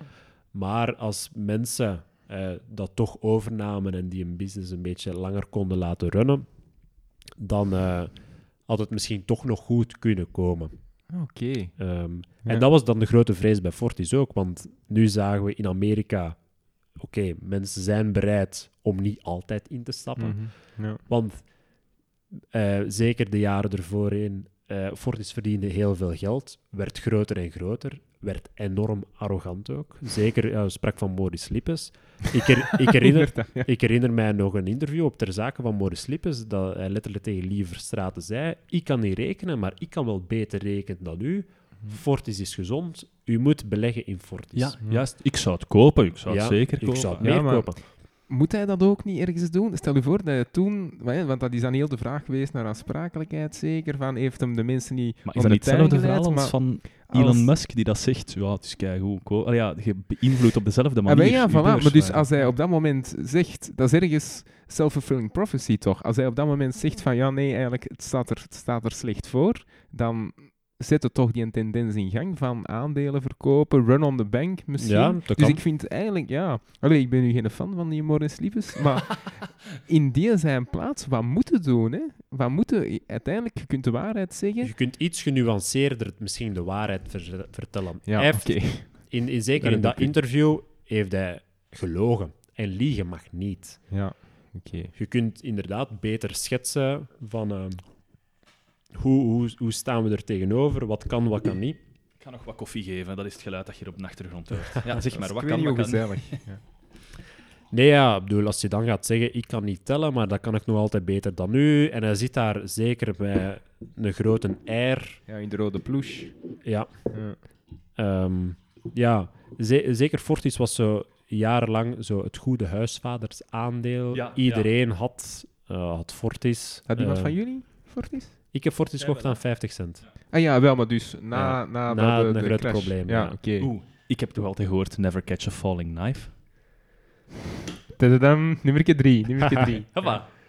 Nee, ja, dat klopt. Dus eh, Maar jij Eigen- dacht, ze gaan waarschijnlijk niet failliet gaan, dus er zal waarschijnlijk wel... nu, in alle eerlijkheid, ik was eh, toen 17, 18 jaar. Over grote bedragen. bezig. Over, Ja. over grote bedragen ging dat nog niet eh, Ja, ja, oké. in mijn Ja. portefeuille. Ehm, maar ik, ik wou zo, dat was mijn eerste aandeel ooit dat ik kocht en zo eens te zien van ah, hoe gaat dat Ja. hier, hoe werkt dat? eh? Oké, op een halve euro is het natuurlijk wel heel drempelverlagend. hè, om in te absoluut. tekenen. Ja. Ah, wel, maar die, die restbank of wat er van overschiet, is dat niet meer waard nu dan die een halve euro? Eh, Restbank is bij Dexia. Dus Ah, oké. eh, Dexia bestaat nog altijd. Ja. Eh, is sinds kort niet meer beursgenoteerd, maar was nog altijd beursgenoteerd. En daar hebben ze alle rommel in gestoken. En daarnaast hebben we nu het Belfius dat we kennen. Ehm, Ah. En dat is wat het grote probleem waarom dat Belfius nog, eh, nog altijd niet eh, beursgenoteerd is. Mhm. maar nog altijd een overheidsbedrijf eigenlijk is. Dat is omdat er niet echt een oplossing is voor, voor het hele Dexia Oké. gegeven. Maar Fortis is, is verkocht geweest aan BNP Paribas. Mhm. wat dan ja, vrij gênant was, want dat was de grootste bank Ja, ja. en onze belangrijkste speler. En hebben we gewoon moeten verkopen aan, eh, aan eh, Fransen. En uw halve euro dan, allee, uw aandeel, waar zit dat dan? Of is dat je Agias? Dat is nu AGS, ja. En nu ja. staat dat 51 euro. Eh, nu is Ah, dat... wel, maar dus jij hebt een keigoeie deal gedaan. Ik heb dat wel vrij snel terugverkocht. Ah, hoor. en nu, kijk hoe een deal. Ik was daar niet rijk van geweest met inleggen. Die dat Porsche voor de deur is niet van u. Zeg maar, eh, we hebben het nu al veel gehad over de beurs, maar eigenlijk... Ik weet dat eigenlijk toch nog niet supergoed wat dat, dat is hoor. De Bell 20, de, de Nasdaq, de Dow Jones. Wat, wat is dat allemaal? Zijn dat synoniemen voor hetzelfde? Of... eh, de Bel 20 zijn eigenlijk de 20 grootste Belgische bedrijven. Dus ah, dat is geen beurs, dat is, dat is een, een Nee. koepel van... Allee, een, een soort van winkelmandje met Ja. de beste bedrijven. Dat klopt. Ja. Dus dat is eigenlijk ehm, om weer te geven in één cijfer van hoe staat de Belgische beurs ervoor. Dus in de Bel 20 zijn de 20 grootste Belgische aandelen. Dow Jones zijn de 30, eh 30 grootste Amerikaanse conglomeraten. Nasdaq is hetzelfde in Amerika, maar dan voor technologie. Ja. Dus wat wil dat eigenlijk zeggen, de Bel 20? De Bel 20 is een prijsgewogen index sorry, een marktgewogen index. Dow Jones is prijsgewogen. Dus marktgewogen wil eigenlijk zeggen, we gaan kijken hoeveel zijn die bedrijven waard. En dat is gewoon de prijs maal het aantal uitstaande aandelen, om een idee te geven van over hoe grote bedrijven praten we eigenlijk. We tellen gewoon al die, die 20 bedrijven bij elkaar op, komen we aan de, de marktwaarde. Ja. En we delen gewoon per eh, onderneming hoeveel, eh, hoeveel waarde dat die mag hebben in het eh, korfje van 20 aandelen. Ja. Dus dat is eigenlijk om weer te geven van hoe staat de Belgische economie ervoor als we gaan kijken naar de Bel 20. Dow Jones is dan hoe staat de Amerikaanse economie er dan, dan weer voor. En Nasdaq is hetzelfde voor technologie. En kan ik Bel 20 aandelen kopen? Je kunt die allemaal individueel kopen. Het is eigenlijk niet Mhm. fysiek mogelijk, dus je kunt niet nu naar je bolero stappen en zeggen ik wil een Bel 20 kopen. Dat Mhm. gaat niet. Je bedoelt, ik, ik wil de korf kopen. Ja. Ja.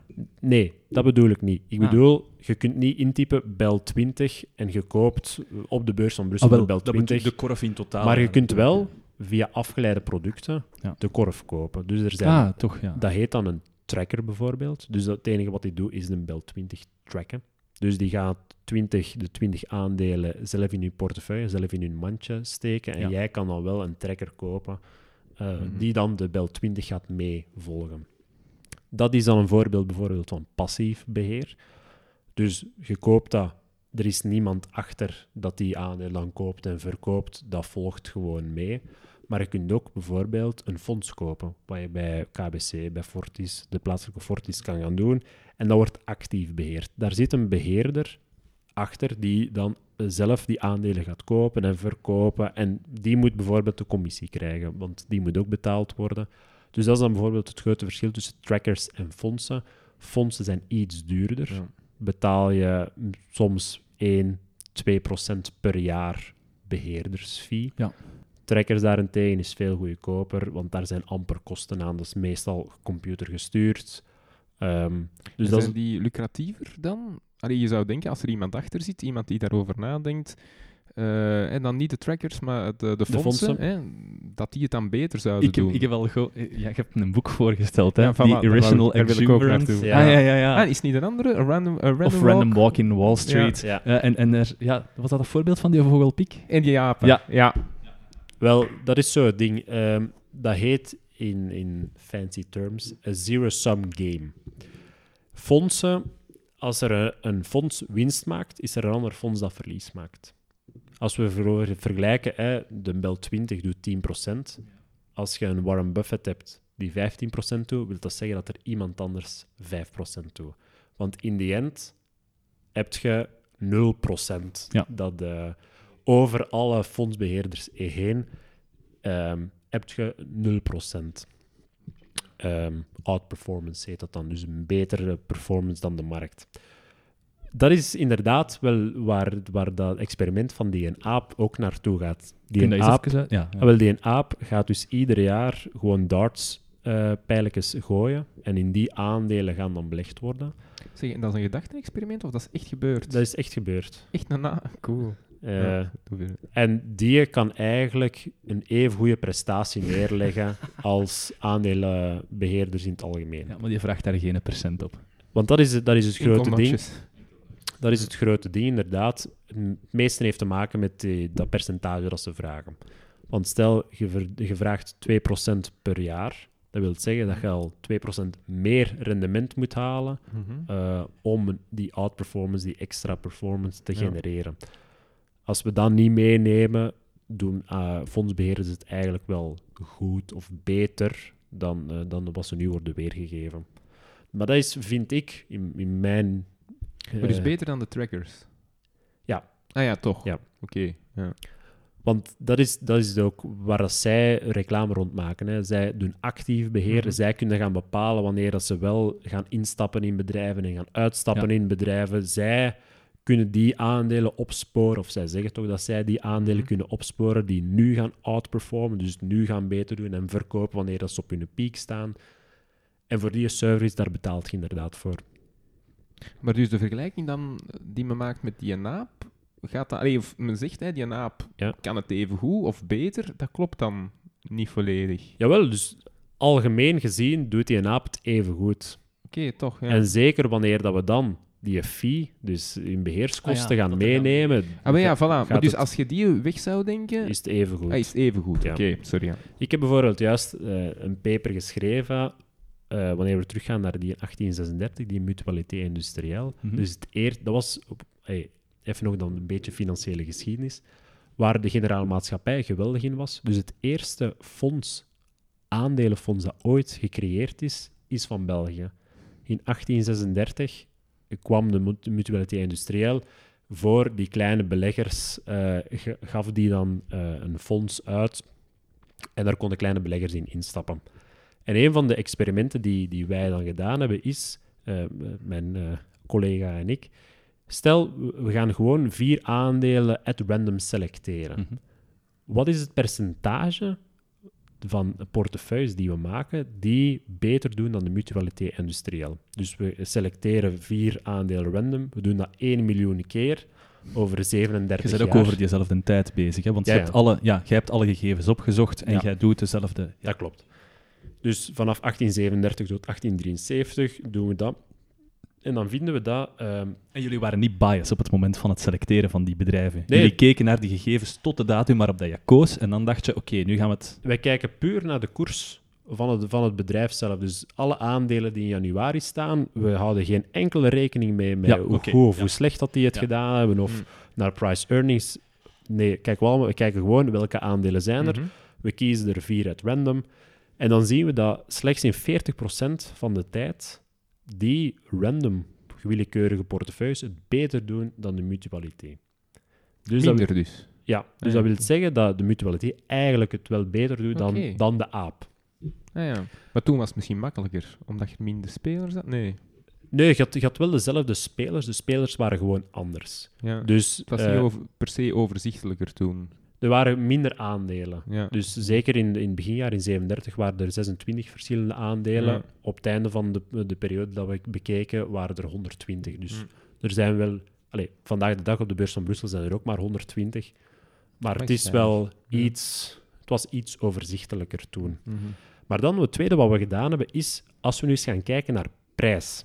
We sorteren alle aandelen op hun prijs en we Mhm. gaan eh, vier aandelen kiezen bij hoog, hoge prijsaandelen en vier aandelen bij lage prijsaandelen. Mhm. Hoe zit het dan? En dan houden we wel rekening met die informatie.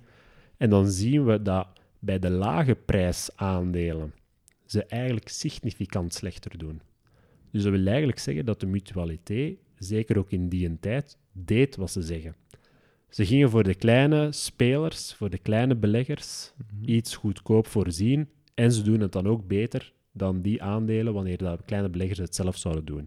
Wanneer we vergelijken met grote, duurdere eh, aandelen, dat is het omgekeerde verhaal. De mutualiteit deed significant slechter. Ah, oké. Dus zo zie je maar, veel fondsen doen ook, of proberen te doen wat ze zeggen. Dus ze Mhm. hoeven niet per se de volledige markt te kloppen, Ja. maar er zijn ook fondsen dat zich specifiek richten op groeiaandelen. En dan moet je die eigenlijk vergelijken met de performance van groeiaandelen en niet van de totale markt. Ja. En dat is, de mutualiteit is daar zo'n perfect voorbeeld van, omdat dat was het eerste ooit het kostte heel veel geld voor, voor kleine beleggers om aandelen te Mhm, kopen. Want het kostte toen ongeveer 1000 Belgische frank per aandeel Ja. in 1837. En die mutualiteit kwam met een, een aandeel van ongeveer 1000 Belgische frank. Mhm.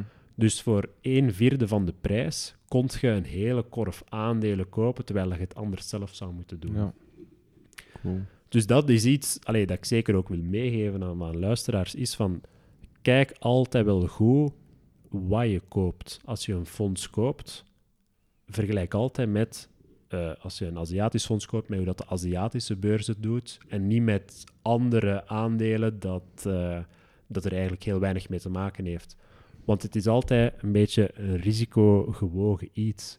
Mhm. Je kan een heel hoge performance hebben. Tesla is, is bijvoorbeeld zo- zo'n voorbeeld. Dat schiet omhoog, dat gaat naar beneden. Dus je kunt wel heel veel rendement genereren. Maar er is ook heel veel risico aan te, aan, Ja. risico aan te passen, want het is een enorm volatiele beurs. En dat is iets wat we zeker zien qua psychologie en waar de, de irrational exuberance dan ook over gaat, is dat, ehm, dat vergeten mensen heel vaak. Mensen denken, ah, ik, ik win hier 10%, ik ben de beste, maar vergeten dat het zo tuurlijk. schommelt.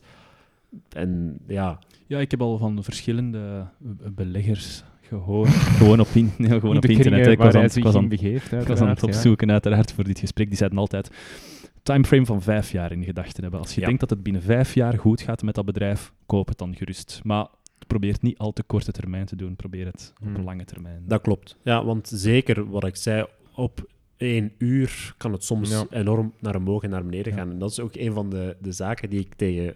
Ik heb zo'n ene collega, Peter, eh, die is Dag enorm... Peter. Dag Peter. Die is enorm met aandelen alleen bezig en die kijkt daar heel veel naar. Ah, ja, en hij heeft bijvoorbeeld... Dat is een Tesla- hobby meer dan. Ja, en Ja. hij heeft Tesla bijvoorbeeld in zijn portefeuille of Facebook, maar dat is heel, heel volatiel. Ja. Dus een van de zaken die ik dan tegen hem zeg is, van ja, weet je hoe dat je vrij gemakkelijk de volatiliteit van je portefeuille naar beneden kan halen? Mhm. Gewoon minder kijken. Vind ik een mooie. Vind ik een mooie. Dus dat is inderdaad, dat is ook wat ik, tegen, wat ik tegen mensen zeg als ze vragen wat zijn beleggingstips. Beleggen moet je eigenlijk altijd doen met geld dat je niet direct nodig Ja. hebt. Mhm. Want als je nu al weet, volgend jaar ga ik een huis kopen, wil je niet in aandelen beleggen, want het kan inderdaad soms naar beneden gaan. Ja. Ik kijk naar u, Pieter Jan. ja, een appartement gekocht, hè. Ja, Ja, Ze hebben een Maar vloer je aan hebt, het nog doen, al, je hebt nog altijd aandelen. Ah ja, in, een, in, een, in mijn fonds, hè. Ja, ja, ja, daar ben ik al 2000 euro verloren. Dank u, Karin. ja. Ik zou beter een aap aanschaffen dan. Wel, maar er is, er bijvoorbeeld dan een andere studie geweest die is, kijkt van, stel, we weten alles wat er, wat er ooit geweest is. Eh, We hebben perfecte kennis. Wat is dan de eh, tijdsperiode die we moeten aannemen waarop we nooit verlies maken? Ja. En dat is zeven jaar in Amerika. Dus Ah, als je aandelen op zeven jaar houdt, met alle crisis dat er ooit geweest is, heb je nooit verlies. Werkelijk? Werkelijk? Werkelijk. Maar ja. voldoende gediversifieerd. En dan kijk je inderdaad naar de, de fondsen, inderdaad de diversificatie, Ja. en niet op specifiek aandelen. ja, ja, ja. Want er zijn heel veel aandelen die Tuurlijk, inderdaad failliet gaan. ja. Maar Ja. als je inderdaad Hm. een Dow Jones bijvoorbeeld zou kopen, Ja. of in Amerika heet dat een S&P 500, dus Standard Poor's 500, 500 aandelen die ook eh, belangrijk zijn voor de Amerikaanse beurs. Als we die een trekker gaan kopen op zeven jaar, hebben we nooit verlies. Cool. Maar dat is ook weer iets dat ik er wil bijzetten en dat heel veel mensen ook altijd zeggen. Past performance is no guarantee for future performance. Ja. Het is niet omdat het er voorbije jaren, maanden zo goed gegaan is, dat dat wil zeggen dat het goed Tuurlijk. blijft doen. Bitcoin is daar een perfect voorbeeld van. Bitcoin ging heel traag in het begin, maar schoot dan langzaamaan naar 10.000, 15.000, 20.000 dollar. Ja, dat wil niet zeggen dat het volgende jaar ook ineens naar 30, 40, 50 gaat gaan. Ja. En dat is weer iets waar heel veel eh, psychologie dan ook bij te komt. Ja, voilà. FOMO, fear of missing out. Mijn buurman heeft heel veel geld verdiend met bitcoin. Ik moet ook geld verdienen met Ja. bitcoin, dus ik ga ook in bitcoin stappen. Ja. Weer self-fulfilling prophecy eigenlijk. Inderdaad, ja. Ik stel voor dat we heel eventjes een kleine pauze doen, want ik zie dat we toch al een uur en twintig minuten bezig Ja. Maar zijn. ik wil naar de geschiedenis, hè. Ah, wel, maar, dan, Ah, ja. maar Ja, daarna gaan we hè. doorgaan met de Ja, geschiedenis. voilà, Is dat voilà. goed? Ja, Oké, absoluut. perfect. Tot straks. Tot. Tadaa.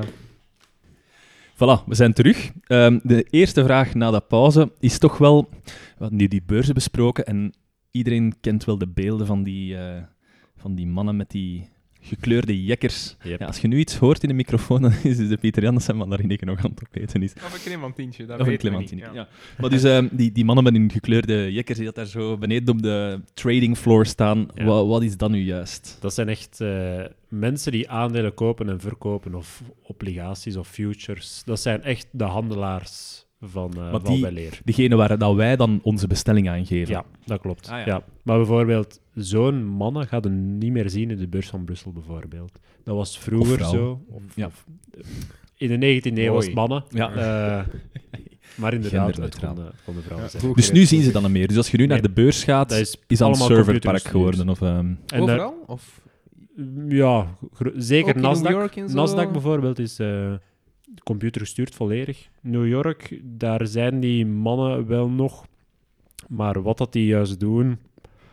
eh goeie vraag eigenlijk. Man, niks, Dat vraagt mijn baas ook altijd.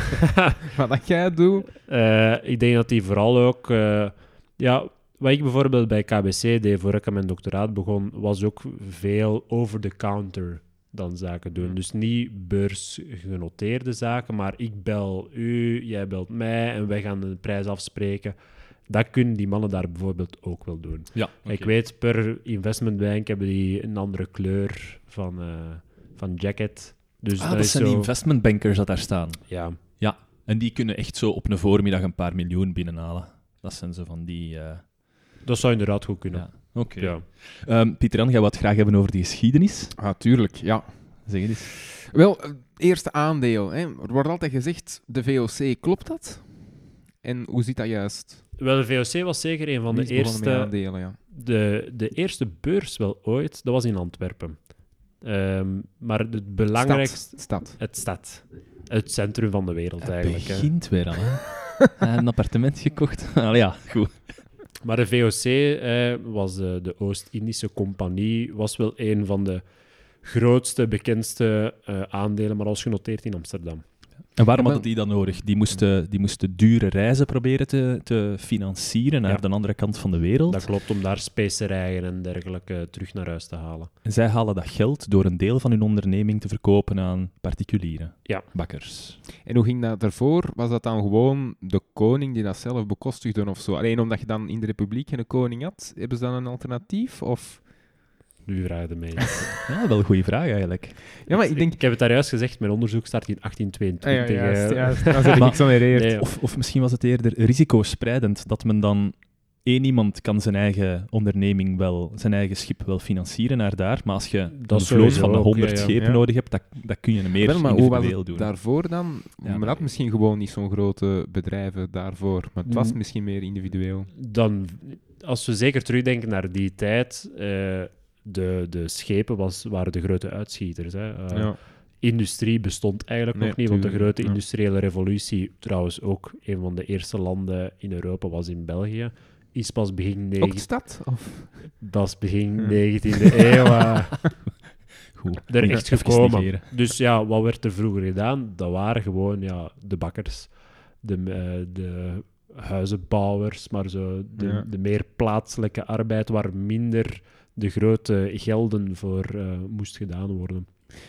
Ik weet niet of dat klopt, maar het is een beetje dat we van Ronald, eh, ons aller vriend Ronald van Krombruggen hebben, dat het concept van aandelen, dat dat zo aansloeg, of dat men daarmee is begonnen in Nederland bij de VOC, omdat men dat idee van het risicospreiden en het samen ehm, werken aan een groter doel, dat men dat had van de polderwerking.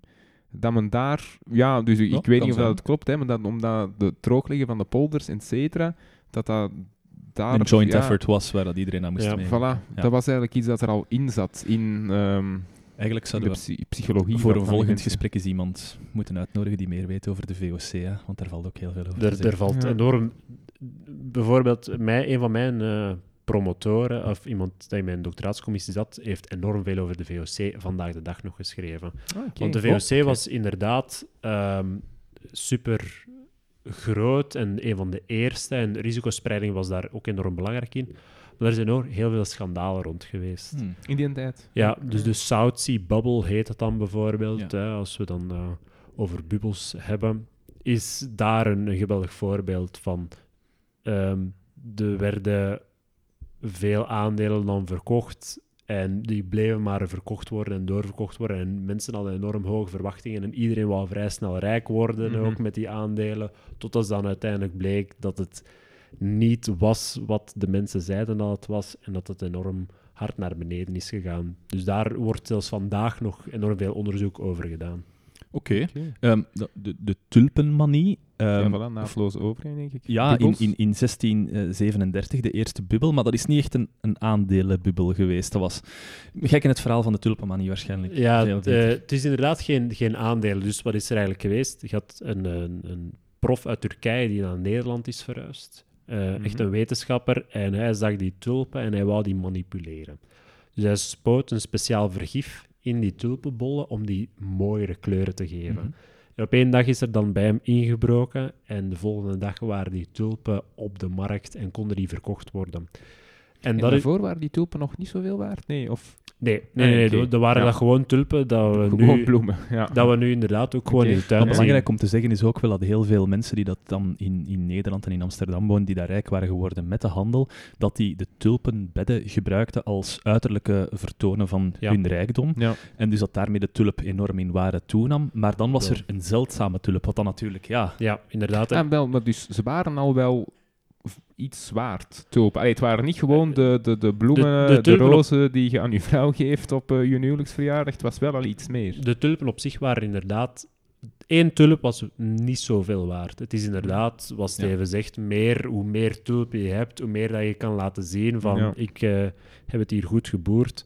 Maar het is pas vanaf die gemanipuleerde tulpen dat er enorm veel roof. eh vraag in er was. En de prijs is, gaat inderdaad through the roof. Ja. Ja. Ja. ik heb gehoord, de, de, allereerste, eh, de allerduurste tulpenbol, dat dat eh, de prijs van een grachthuis was. Ja, dat, dat Ja. was... eh, de, de gewone man op de straat kon dat niet betalen. Ja. Dat is ook waarom dat we meestal, wanneer we over die grote bubbels spreken, de tulpenmania wel eh, aanhalen, omdat dat tot de verbeelding spreekt. Maar er is eigenlijk vrij weinig effect van geweest op de gewone economie.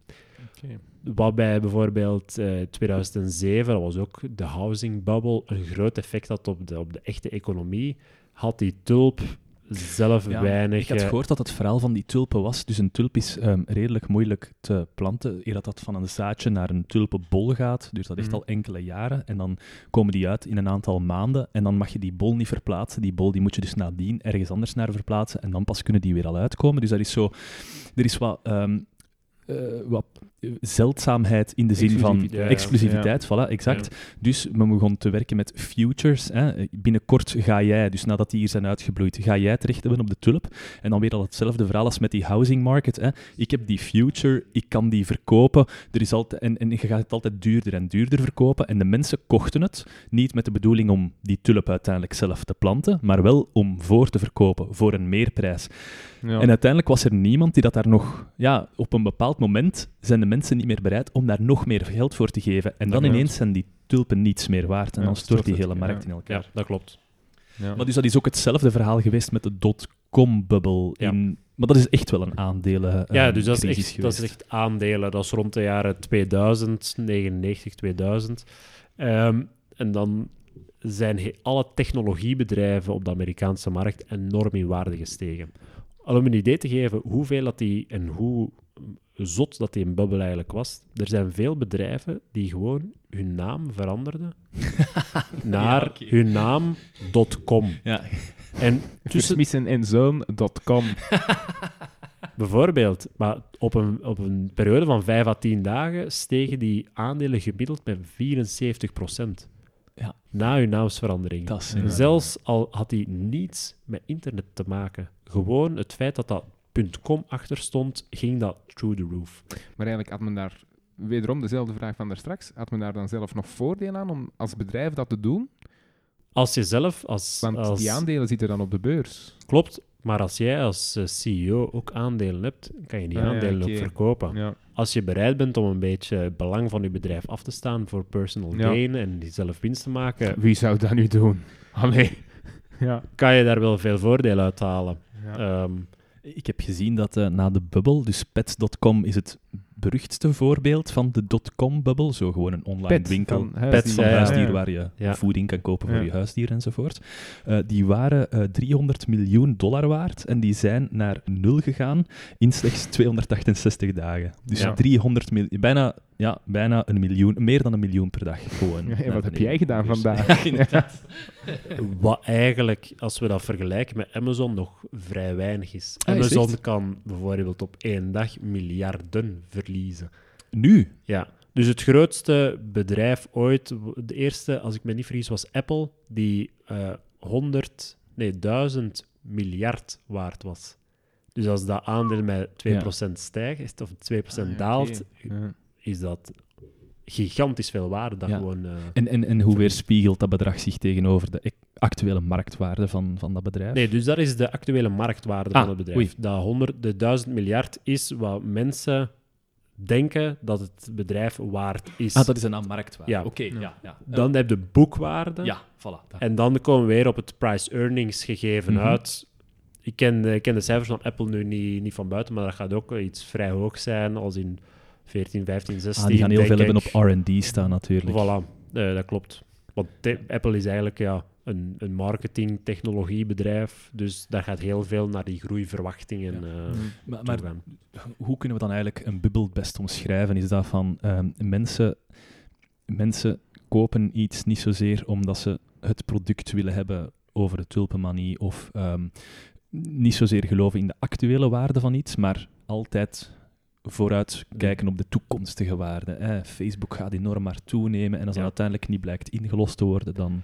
Nu, je hebt zo in de, in de literatuur eh, twee grote stromingen. Mhm. Enerzijds, wat je daar juist al zei, Robert Schiller, die zegt, ja, bubbels zijn echt. En dan heb je Eugene Fama, bubbels bestaan niet. Hmm. Die hebben alle twee de Nobelprijs gewonnen, juist voor, voor die Tezamen? inzichten. Tezamen, Ah, oké. 2013. Ik heb al eh, het geluk gehad om met een van de twee al eens te mogen lunchen, dus dat was eh, zeer interessant amai. voor mij. Maar dus, wat, wat hun, hun groot ding is, dat... ehm, Hier, hij heeft al even met Nobelprijswinnaar samengezeten. Ehm, ja, dat bubbels vol- volgens Fama bestaan niet, omdat de aandeelmarkt altijd risico weerspiegelt. Dus een, een, het aandeel van Facebook daalt omdat het risico is toegenomen. Terwijl Schiller zegt, ja, nee, er zijn toch veel meer psychologische aspecten ehm, die gaan spelen. Bijvoorbeeld, ja, die, die tulpen is zo'n voorbeeld van wat, wat wij de greater fool theory dan noemen. Ja. Je koopt die, die, eh, die tulpen niet omdat de waarde weerspiegelt, maar omdat je het kunt verkopen aan een, een full aan een greater price. Ja, een hogere Ja. prijs.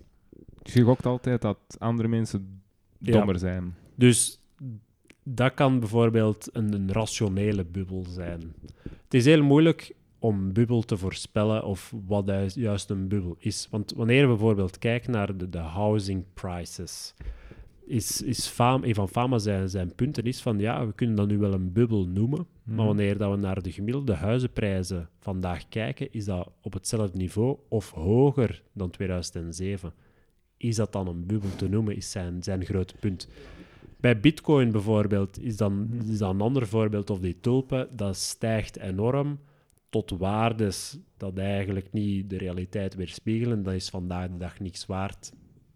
Ja, dan kan je moeilijker de assumptie maken van daar zat niets in dat irrationeel was. Ehm, maar zelfs, zelfs daar is, is heel veel onderzoek vandaag nog over. Is dat wel een bubbel? Ja, dan nee. Want er zijn wel manieren of methoden om dat op een rationele manier te gaan kunnen verklaren. Bijvoorbeeld als we gaan kijken naar risico's. Is, dat, is daar één van. Maar dat, dat sluit bijvoorbeeld aan in, in onderzoek die, dat ik gedaan heb. Hè. Dus mijn belangrijkste paper eigenlijk in mijn doctoraat gaat over oorlog en oorlogsnieuws. Even zeggen, jij hebt dus gedoctoreerd op papers. Want als wij Ja. doctoreren, moeten wij doctoreren in boek. Eén Ja. bepaalde onderzoeksvraag met subonderzoeksvragen. Maar jij hebt kunnen doctoreren op artikels. Dat dus klopt. verschillende artikels die je dan samen bundelt tot één doctoraat. Ja, Ik ga met- ondertussen ook eventjes jouw microfoon wat hoger zetten. Ik vind het wel fantastisch dat die mensen dan, allee, die twee proffen, dan samen de Nobelprijs hebben gekregen. Is dat dan echt zo de redenering van, dan heeft toch minstens één van de twee het juist? Dat is zo het, het grote ding bij, bij eh, financiële markten is, bij fysica heb je wetten. Bij financiële markten, finance niet. Ja, Je kunt gewoon zeggen wat dat je wilt. ja, dat is Maar je zo- moet het goed maar je moet het, je moet het goed kunnen staven. Ja. Allee, of zo de boetade van tien economen, elf meningen. Ja, nee, maar Ja. dat is ook wel Dat doen wij zo. ook, hè. Ja, klopt. klopt. ja, daar heb je een punt. Dus, dus inderdaad, ik heb drie artikels geschreven en mijn belangrijkste artikel ging over oorlog en oorlogsnieuws. Ja. Dus ik ben gegaan naar een periode van 18, eh, 18, eh, 1885 tot 1914. En ik heb een studie, een textuele analyse gedaan over hoeveel eh, artikels dat er in The Economist verschijnen over oorlogsdreiging en een oorlogsdaad. Dat heb ik dan voor die hele periode opgelijst om zo In België. Je bent naar Belgische cijfers gaan kijken. Of in de... Ik ben naar ehm, conflicten gaan kijken waar landen in zitten dat belangrijk waren voor België. Ah, Ja. Dus dan, dan spreken we over Duitsland, Rusland, Italië, Spanje, de UK ehm, en, Ja. en België zelf dan. Europa En Frankrijk. Ja, dus die grote handelspartners voor België, als die in een conflict zitten, hou ik er rekening mee en neem ik die mee op. Ja. Hm. En dat eh, weerspiegelt, dat is eigenlijk een vrij goede manier om te kijken hoe irrationeel zijn beleggers. Want bijvoorbeeld, een van de zaken die ik aantoon is, als er meer nieuws komt over de oorlogsdaad of oorlogsdreiging vandaag, dalen de koersen van aandelen vandaag. Want er is veel meer risico in het systeem. Mhm. Er zou een oorlog kunnen uitbreken en een oorlog kost heel veel geld. Dus aandelenkoersen dalen vandaag. Nu, wanneer die oorlogsdreiging niet gevolgd wordt door een oorlogsdaad, zien we dat de maand daarna aandelenkoersen terug op hetzelfde niveau zijn. Dus dat wil eigenlijk zeggen dat beleggers zelfs toen vrij goed waren in risico's in te schatten en hun, hun, eh, hun gedrag is eigenlijk wel logisch en rationeel te noemen. Dus zelfs met zo'n evenementen met zo'n grote impact en magnitude zijn beleggers wel goed in staat om in te schatten wat de risico's al dan niet zijn. Bij oorlogsdaad bijvoorbeeld zien we dat de maand erna en maanden erna ook de eh, koersen van de beurs nog altijd heel laag zijn. Ja. Hm. Dus zeker omdat oorlog, ja, zoals ik zei, een, een zeer impactvol event is, is het logisch te noemen dat eh, beleggers nog altijd niet bereid zijn om die aandelen te kopen maanden na. Weerspiegelt zich dat dan ook in de economie? Want wat we vaak zien is dat de, de aandelenkoersen enorm variëren, maar dat de economie redelijk stabiel blijft. Ja, dat is, dat is het, het grote ding waar we daar straks ook al over bezig waren. Hè. Dat is dat aandelen zijn een weerspiegeling van de toekomst. Van de toekomstige waarde van het bedrijf tegenover de economie zijn cijfers die eigenlijk in het verleden zijn.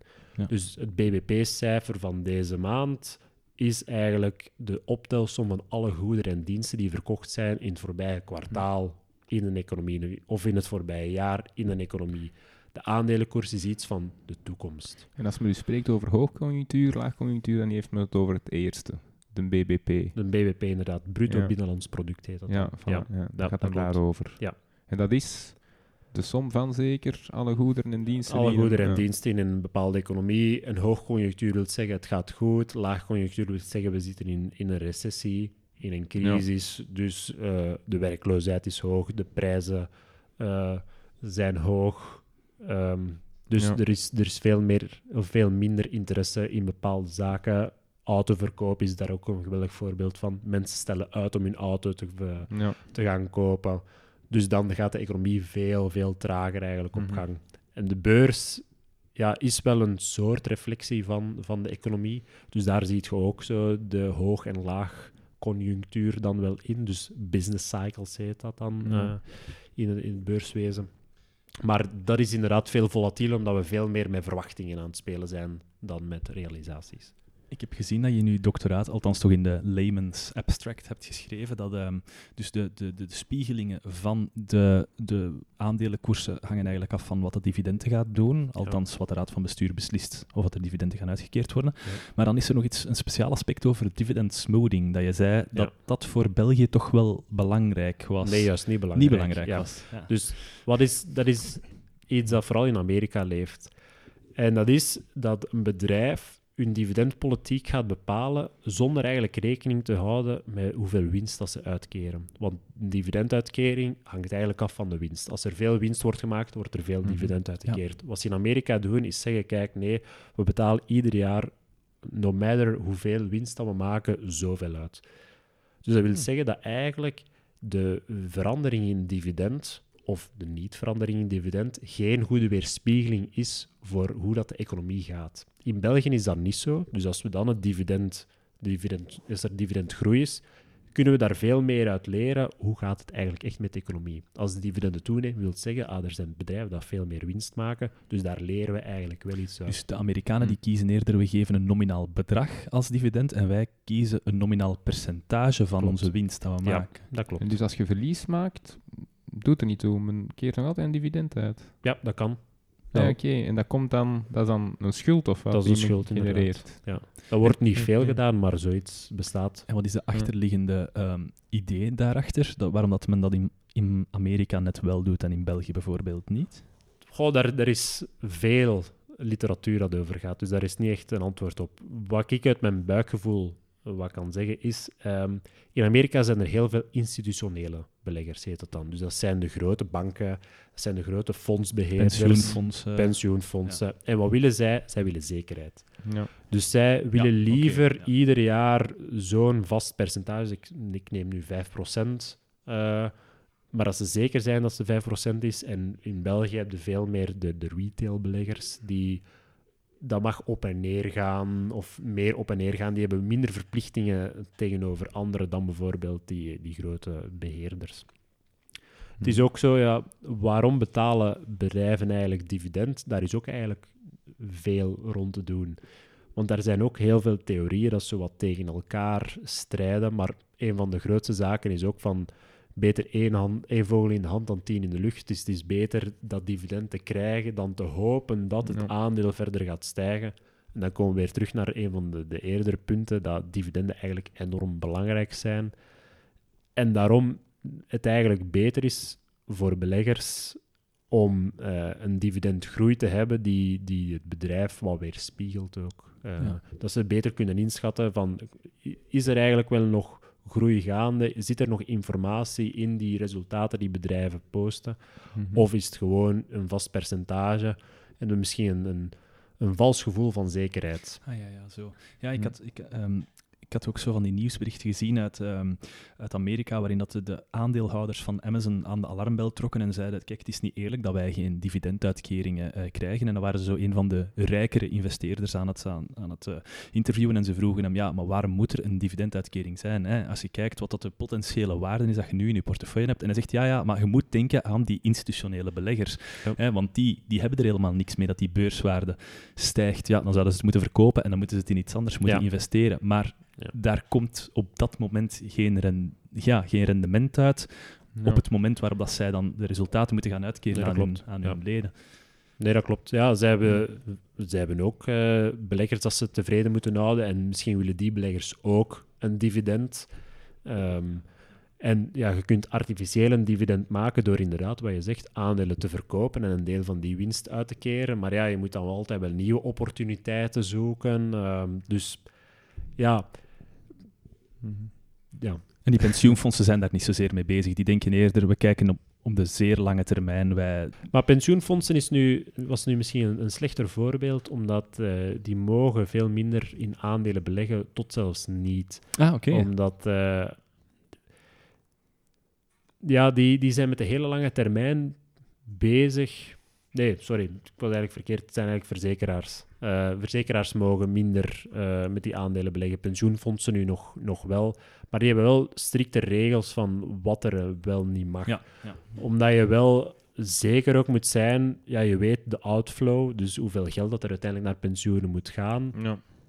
Maar ja, je kan dan niet enorm veel risico nemen, want als je weet dat je volgend jaar eh, zoveel pensioen moet betalen en de aandelenmarkt zit, zit beneden, eh, in plaats, en je zit in laagconjunctuur in plaats van hoogconjunctuur, ja, dan sta je daar wel. Je moet wel nog altijd dat geld eh, Zie, gaan eens- uitkeren. Ik wil nog even terugkomen op een vraag, die dat, eh, iets wat je daarnet had gezegd. Dus je zei dat ehm, in de jaren 1800 er op de, de, de Belgische beurs ehm, 60 aandelen waren, dat dat dan gestegen is tot 120, maar dat dat op heden ten dagen nog altijd 120 is. Ja. Is dat vlak gebleven of is daar ergens een, een piek in geweest? Of Dus eh, de grote piek is in eh 1929. naar omhoog, Ja, naar omhoog. Is in 1929. Dat waren er meer dan duizend verschillende aandelen. En nu beurs nog maar Brussel. 120. En nu nog maar 120. Nu, er is wel een tendens dat over de hele wereld wel is. Dus het aantal beursnoteringen gaat wel naar beneden, ook bijvoorbeeld in Amerika. Maar het is wel meer uitgesproken in België. En Dat is die listing dan. Ze gaan Ja. zichzelf van de beurs laten schrappen. ja, dat klopt. Dus ehm, in de 19e eeuw, België was een van de belangrijkste beurzen ter wereld. Ja. Een van de redenen waarom is, en we kunnen het ons misschien niet inbeelden, maar er waren geen belastingen in de 19e eeuw.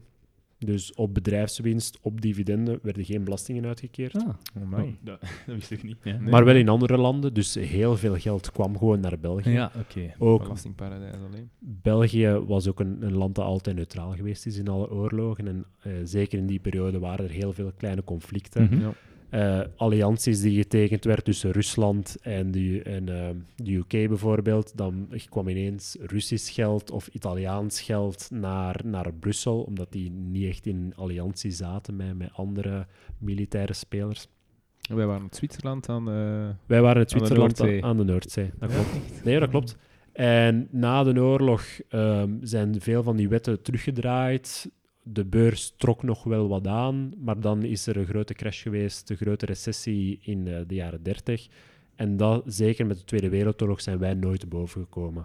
In de jaren 60 is dan Congo onafhankelijk geworden. Er zijn er ook heel veel bedrijven, Congolese bedrijven, van de beurs gegaan omdat die genationaliseerd werden.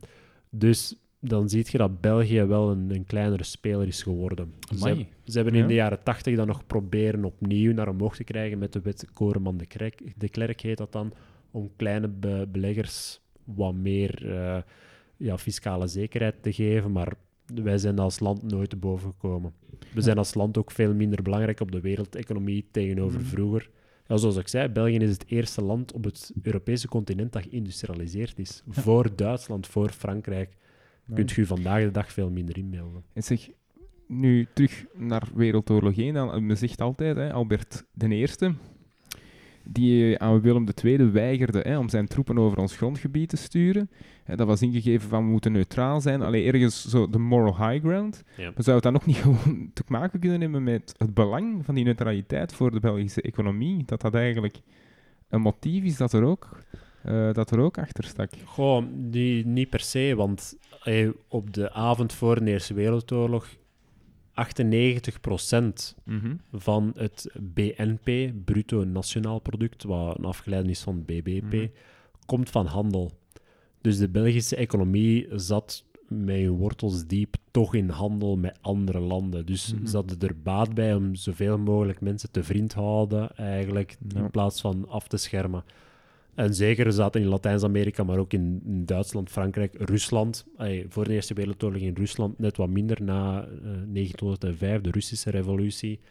Maar dat zijn ook wel zaken die, ja, die, die meespelen. Ja, dus economisch was het wel heel belangrijk voor eh, België om eigenlijk het feit dat er geen oorlog uitbrak Ja. was. Maar dat was, Ja. dat is voor iedereen wel zo. Dat is een oorlog dat nu enorm veel geld aan iedereen heeft gekost.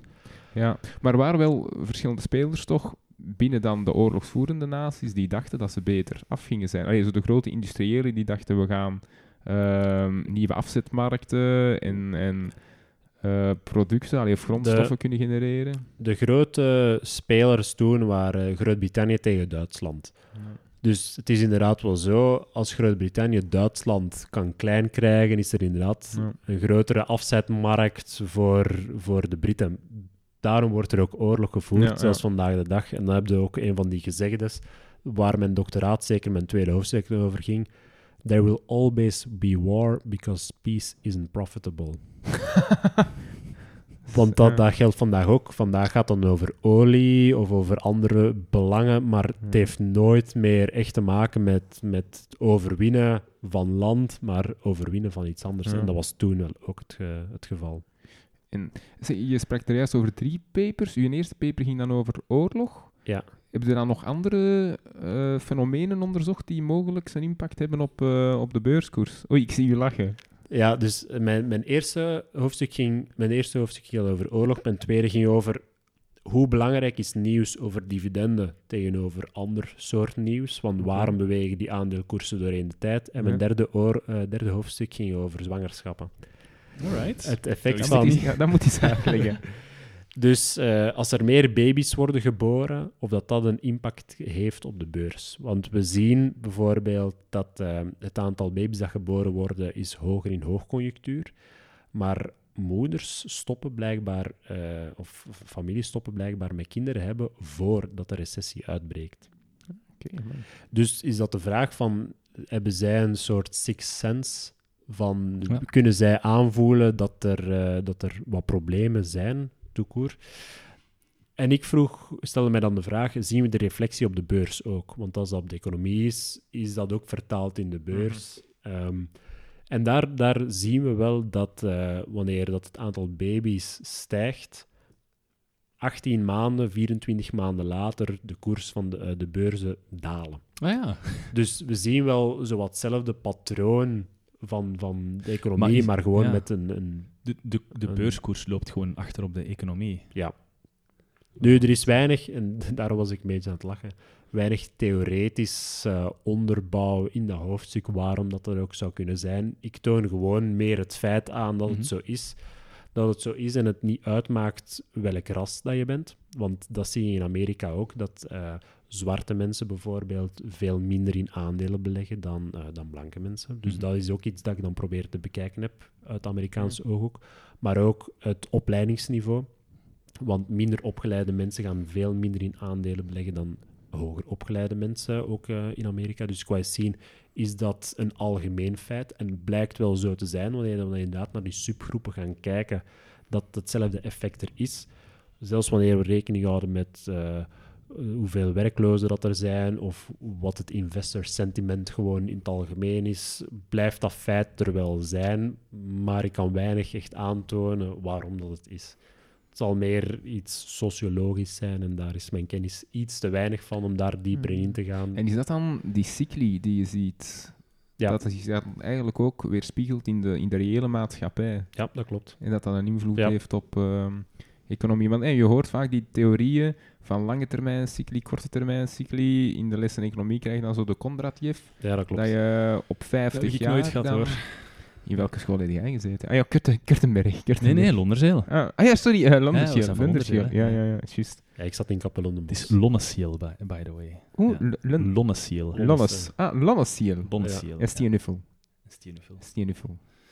Ja, nee, dat, dat is inderdaad ook iets dat je ziet. eh, de business cycle heet dat dan. Dus eh, je hebt ho- hoogconjunctuur, hoe dat dan heet, en laagconjunctuur. En dat wisselt elkaar af. Ehm, ja, dat, dat is inderdaad zowat de weerspiegeling, denk ik. Want het is een, het is een eerder gedacht. Dat ook eh, inderdaad in de reële maatschappij met die zwangerschappen dan eh, heerst. En is dan ook niet de vraag van kiep of het wat beïnvloedt het ander? Is het Als je de daar- maatschappij die... Wel. Ja, dat wou ik daarnet. Die opmerking had ik daarnet ook, ja. Als je daar het Wel, antwoord wellicht nu net aan de oorzaak van Ah, ja, ja. Hey, heb, je, heb, heb, heb je die vraag gesteld? Nee, maar ik zat ermee. Ah ja, oké, want ik dacht, dan heb ik Nee, nee, nee, nee, totaal nee, nee, niet nee. gevolgd. Nee, nee, Ja. Ik denk als je daar het antwoord op weet, dat je de volgende Nobelprijswinnaar bent. En je kunt het juist hebben of fout. Ja. Tegenstelde meningen.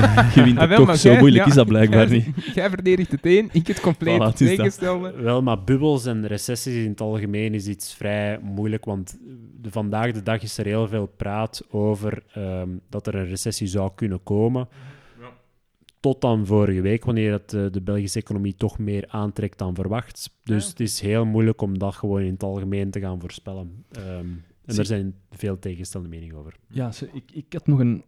Ik heb nog eh, een, een filosofisch vraagje hoor. Toen had ik u daarnet hoorde praten over ehm, Fortis, dan zei je, ja, kijk, die crash die is er gekomen doordat ehm, kwartalen volgen elkaar redelijk snel op. Drie maanden en je zit alweer met een nieuw eh, kwartaal, ehm, waarin dat dan een rapportage moet worden gedaan over de resultaten. Ehm, en dat moet altijd beter en beter zijn. Ja. Dus het wil niet zeggen dat je het één kwartaal goed doet, dat je het andere kwartaal kan zeggen, oké, eventjes rustig. Eh, Ja. Nee, de boog moet altijd gespannen staan. Maar ehm, hoe lang kan dat spelletje nog doorgaan? De, de, de basic, ah ja, de grote idee is dan, moet er altijd economische groei zijn? Of is dat geen sustainable model? Vanuit het kapitalisme is dat inderdaad het idee dat altijd wordt voor, ja, vooropgesteld. Maar ook met klimaatopwarming enzovoort kunnen we... Dat moet, in, dat moet in vraag worden gesteld of dat dan nog altijd het juiste model is. Dat is, dat is absoluut zo. En het, het is een heel... Het is een heel makkelijke vraag met een heel moeilijk antwoord. Dus ik zal kort zijn, ik weet het niet.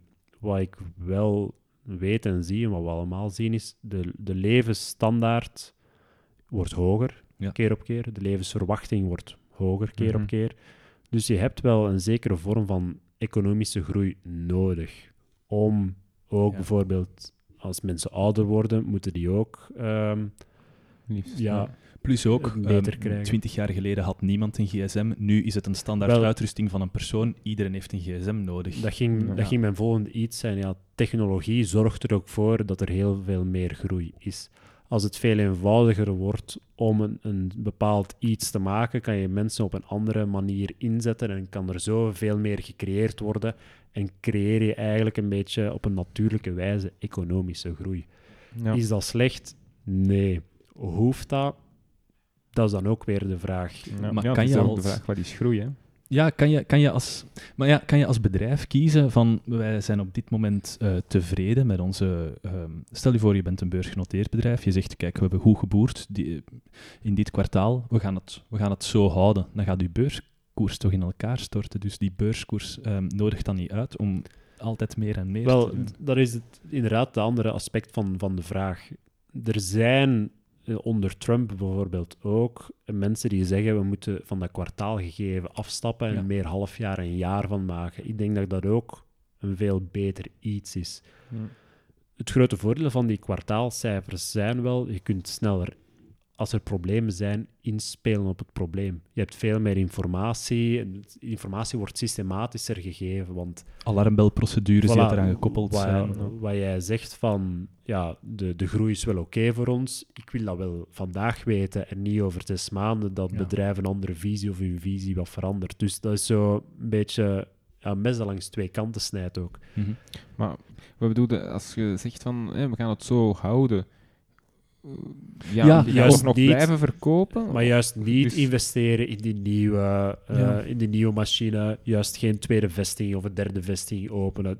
Dat is ook een, groeien, ja. ja, ja. een soort status quo. Kan ik dan de vraag stellen dat heel veel van die mergers en acquisitions, hè, de fusies en de overnames, dat die ook gejaagd zijn door de kwartaalresultaten? om te denken van, kijk, als wij een heel grote onderneming zijn en wij nemen gewoon altijd een kleine start-up over elk kwartaal, dan blijft ons resultaat wel, wel groeien. Althans, dat is een positief signaal dat wij uitgeven. Het kan een positief signaal zijn. Nu, in kwartaalcijfers wordt er iets van organische groei ook altijd weergegeven. Van hoeveel ga jij groeien, gewoon puur met de activiteit dat je doet. En dan is er de andere groei, dat inderdaad door de mergers en acquisitions, die fusies en overnames, kan gedaan worden. Ja, ik, ik weet het exacte antwoord niet, maar eh, mijn buikgevoel zegt inderdaad dat het kwartaalgegeven daar ook wat, eh, wat extra mee te doen zal zijn. Want ehm, beleggers willen altijd steeds meer en meer. Dat heet dan reaching for yield, naar rendement toe Ja. gaan. Dus Mhm. het is wel altijd beter dat het bedrijf blijft groeien. Nu, je hebt ook het tegenovergestelde soms, wanneer dat er een, eh, een overname wordt gedaan, dat hoeft niet altijd waarde te creëren. Ja. Dus eh, er is dan een paar maanden geleden Bpost dat we overnemen met een Nederlandse postbedrijf. Ja, Dat hoeft niet altijd positief worden Dus bij Bpost was het wel een positief verhaal. Bij PostNL gaat de beurskoers dan naar beneden. Dus dat is zo wat de vraag. Ja, wat is goed, wat is niet goed? Beleggers hebben daar ook wel altijd een idee over van... Dat zijn twee bedrijven die volledig bij elkaar passen en dat kan synergie, dus extra voordelen opleveren. Maar kijk nu naar Amazon bijvoorbeeld. Amazon is groot geworden door geen winkel te hebben, door Ja. alles te versturen. En dan gaan ze ineens Whole Foods, een supermarkt, overnemen. Ja. De bioplanet van bij ons. Is dat zoiets niet? Whole Foods? Daar is de Colruyt van bij ons. Ah. Ja. Ik, ik, Hm. ik dacht dat dat zo wat de... de, de Het is de high-end, Ah, maar je vindt daar ook gewoon de gewone pizza. Ja. Eh, ik ken uw Bioplanet in alle eerlijkheid niet. eh. Nee, ik ben er ook Mijn vriendin doet, geweest. eh, doet het winkelen. Oké. Ehm, Eh, dus ja, dan kan de vraag wel gesteld worden: is dat dan wel iets wat nodig is, dat wel goed is? En dan wordt er naar beleggers gekeken van hoe, reageert, hoe reageren beleggers daarop? Zijn die positief, zijn die negatief? En dat wordt gereflecteerd dan in de beurskoers. Maar het is toch niet noodzakelijk omdat een bedrijf groeit, dat de economie groeit als je zo'n overname doet. Klopt, ja. kan perfect zijn dat uiteindelijk de slotsom is dat je evenveel produceert, maar dat, Dat dan klopt. gewoon de, de constellatie anders is. Er zijn heel veel bedrijven die met de economie meegaan. Hè? Dus cyclische, cyclische bedrijven. Ehm, ik denk maar aan voeding. Mhm. Maar er zijn heel veel bedrijven ook die contracyclisch zijn, zoals auto's. Ja, als, nee, dat is ook cyclisch eigenlijk. Dus die stoppen met, eh, met produceren wanneer het economie slecht gaat. Mhm. Maar als ik denk aan een Google bijvoorbeeld, ja, mensen blijven wel op internet zitten en Ja. blijven kijken en je blijft wel die advertisement zien. Oké, bedrijven gaan misschien minder investeren in advertisement, maar je blijft wel gewoon verder doen, desondanks dat de economie misschien Ja. een beetje in een slop zit. En ehm, over een economie dat in het slop zit gesproken, als we kijken naar eh, Brexit, of althans, of althans toch ja, wat dat de Ja, komende jaren normaal gaat. had het zover moeten zijn hè, vandaag. Ja, Ja. ja, ja, ja, 31 oktober. In de, Ja. eh, sorry, in november. Ja, ja, ja. want ja. dat inderdaad Gisteren dus. ja. Ja. Ehm, En ze zijn er nog. de- een eerste resultaat is dat de pond redelijk laag staat. Maar ik vraag me altijd af, hoe, hoe, hoe beïnvloed je nu net uw currency? Hoe, hoe zit dat dan juist? Currency is normaal gezien een van de enige zaken dat je niet kan beïnvloeden. Ah ja. Er is één Wat voor... actief, actief beïnvloeden. Ja, er Ah ja. is één voorbeeld dat het niet zo is geweest. En dat was ook met het pond, met George Soros. Maar dat is een beetje hetzelfde met aandelen ook. En bij currency is dat gewoon nog maal zoveel. Je moet enorm veel geld hebben om de koers van een aandeel te gaan, ehm, gaan invloeden. Als individuele Als speler. individuele Ja. speler. En bij currency is dat zeker zo. Er, is zo. er zijn zoveel ponden aanwezig op de markt dat je zoveel Ja. geld moet gaan investeren en zoveel ponden moet opkomen, opkopen dat jij een invloed gaat hebben. Je wilt Ja. zeggen, doordat het aanbod aan ponden vermindert, doordat ik ze allemaal opkoop, stijgt de waarde. Ja. ja. Dus dan is het veel moeilijker, want je moet echt wel heel veel ponden gaan kopen Mhm. voordat er een invloed is op, op de prijs. En hoe komt nu dat het Brexit-verhaal ervoor zorgt dat de pond als munt minder hoog staat? Omdat mensen, wacht hè, Die gaan mensen kopen uit. Ik denk, dat is gewoon een feit van mensen denken in het algemeen dat er veel minder handel gaat zijn met Groot-Brittannië. Mhm. Je ziet bijvoorbeeld heel veel investmentbanks gaan weg uit Londen, gaan naar Frankfurt, Mhm. gaan naar Parijs.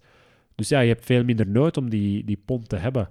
Ja, Dus er, is, wanneer- er is minder activiteit met die pond in het Ja, land er gaat zelf. minder betaald worden in Voilà. pond. Ja. Ja. Dus mensen zijn minder bereid om inderdaad die prijs te betalen voor dan die goederen die normaal uit Groot-Brittannië komen en nu ineens uit Duitsland komen, uit Frankrijk komen. Ja. Dus dan gezien dat die vraag stijgt, eh, vraag daalt, sorry, ga je zien dat er ook veel minder interesse is in die pond.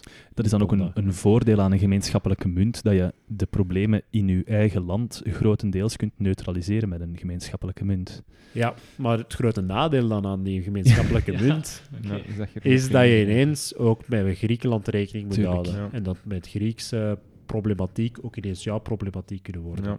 Wat Groot-Brittannië als voordeel heeft, is de Bank of England, dus de eh, Britse centrale bank, heeft er eigen monetair beleid. Ja. kan gewoon geld bijdrukken. Ja. Ja. Europa, no-go, want Duitsland zegt daar nee op. Dus dat is die, inderdaad die onafhankelijkheid dat je wel opgeeft. Mhm. Dus- Geld, geld bijdrukken leidt ehm, volgens iedereen zijn kennis tot inflatie Ja. enzovoort. Ik had daar eens een klein beetje opzoekingen over gedaan en je ziet zo van die verhalen uit Duitsland van ja, dat het ineens... Je moet met de, kruiwagen naar hyperinflatie. Nou ja, hyperinflatie. eh, geldpapier als behangpapier. Ja, omdat het goedkoper is dan echt behangpapier. En dan denk je, goh, ik kan me dat zo moeilijk inbeelden, maar wat dat voor mij het meest stuitende voorbeeld was, dat is iedereen van ons heeft geld op zijn rekening. Hè. De Vlaming is een van de grootste spaarders ooit. Mhm. Maar als er een hyperinflatie uitbreekt, dan kan het zijn dat waar dat je 30 jaar voor gespaard hebt, van de ene dag op de andere, maar bijna letterlijk van de ene dag op de andere, Ja. gewoon niets waard is. Ja. En daardoor dat de sociale, de sociale standing ja, eigenlijk even gelijk wordt, gereset wordt op een bepaald moment. Een, een perfect voorbeeld daarvan is Venezuela. In Venezuela is er zo'n corruptie en hyperinflatie, zelfs nu nog gaande, dat mensen geen wc-papier meer kopen, maar gewoon met eh, geld. Oh, ja. Ja, echt. Dus alle, inderdaad, alle voorbeelden die wij geven altijd van Duitsland in de jaren Is 20, momenteel- is momenteel Ja. toepasbaar op. Venezuela. Ja, absoluut. Want je ziet daar ook bijvoorbeeld dat eh, het aantal moorden gigantisch naar beneden is gegaan. Omdat moordenaars kunnen gewoon geen kogels Kogels. en, en geen geweren meer kopen. Echt zo. Dat is inderdaad het voorbeeld van we gaan met de kruiwagen en dat zijn briefjes van miljarden. Eén Ja. briefje is Ja. een miljard bij wijze van spreken, dan kan je nog geen brood mee kopen. Je kunt niemand overvallen, want je hebt niet zoveel ruimte om En dat, is, dat zijn dat geld mee te nemen. triestige, triestige voorbeelden. Maar ja, dan te, daartegenover staat dan, om op uw vraag terug te komen, in de Amerikaanse centrale bank, die zijn geld aan het bijdrukken. En hoe doen ze dat? Dat is, ehm, zij gaan obligaties kopen als speler. En er komt dus veel meer geld in het systeem, omdat zij kopen die obligaties Van op. bedrijven. Van, initieel was het van, eh, van bedrijven. ehm, Mhm. in Europa is het dan bijvoorbeeld over landen. Ja. Dus, eh, Ja, als wij aan obligaties denken, Hmm. denken wij obligaties Ja. van de Belgische staat. ja, de OLO is dat dan bij de Belgische staat, maar dat koopt dan, of kocht de, de Europese Centrale Bank massaal op. Ja. En dan zie je dat die rentes zo naar beneden gaan. Nou ja, want er is altijd wel iemand dat, dat die opkoopt en er is eigenlijk geen risico meer. Dat is toch ook geld bijdrukken dan, dat men doet? Ja, dus Ah dat ja, is, dat is ja, de vorm van... het wel. Ja. Ja.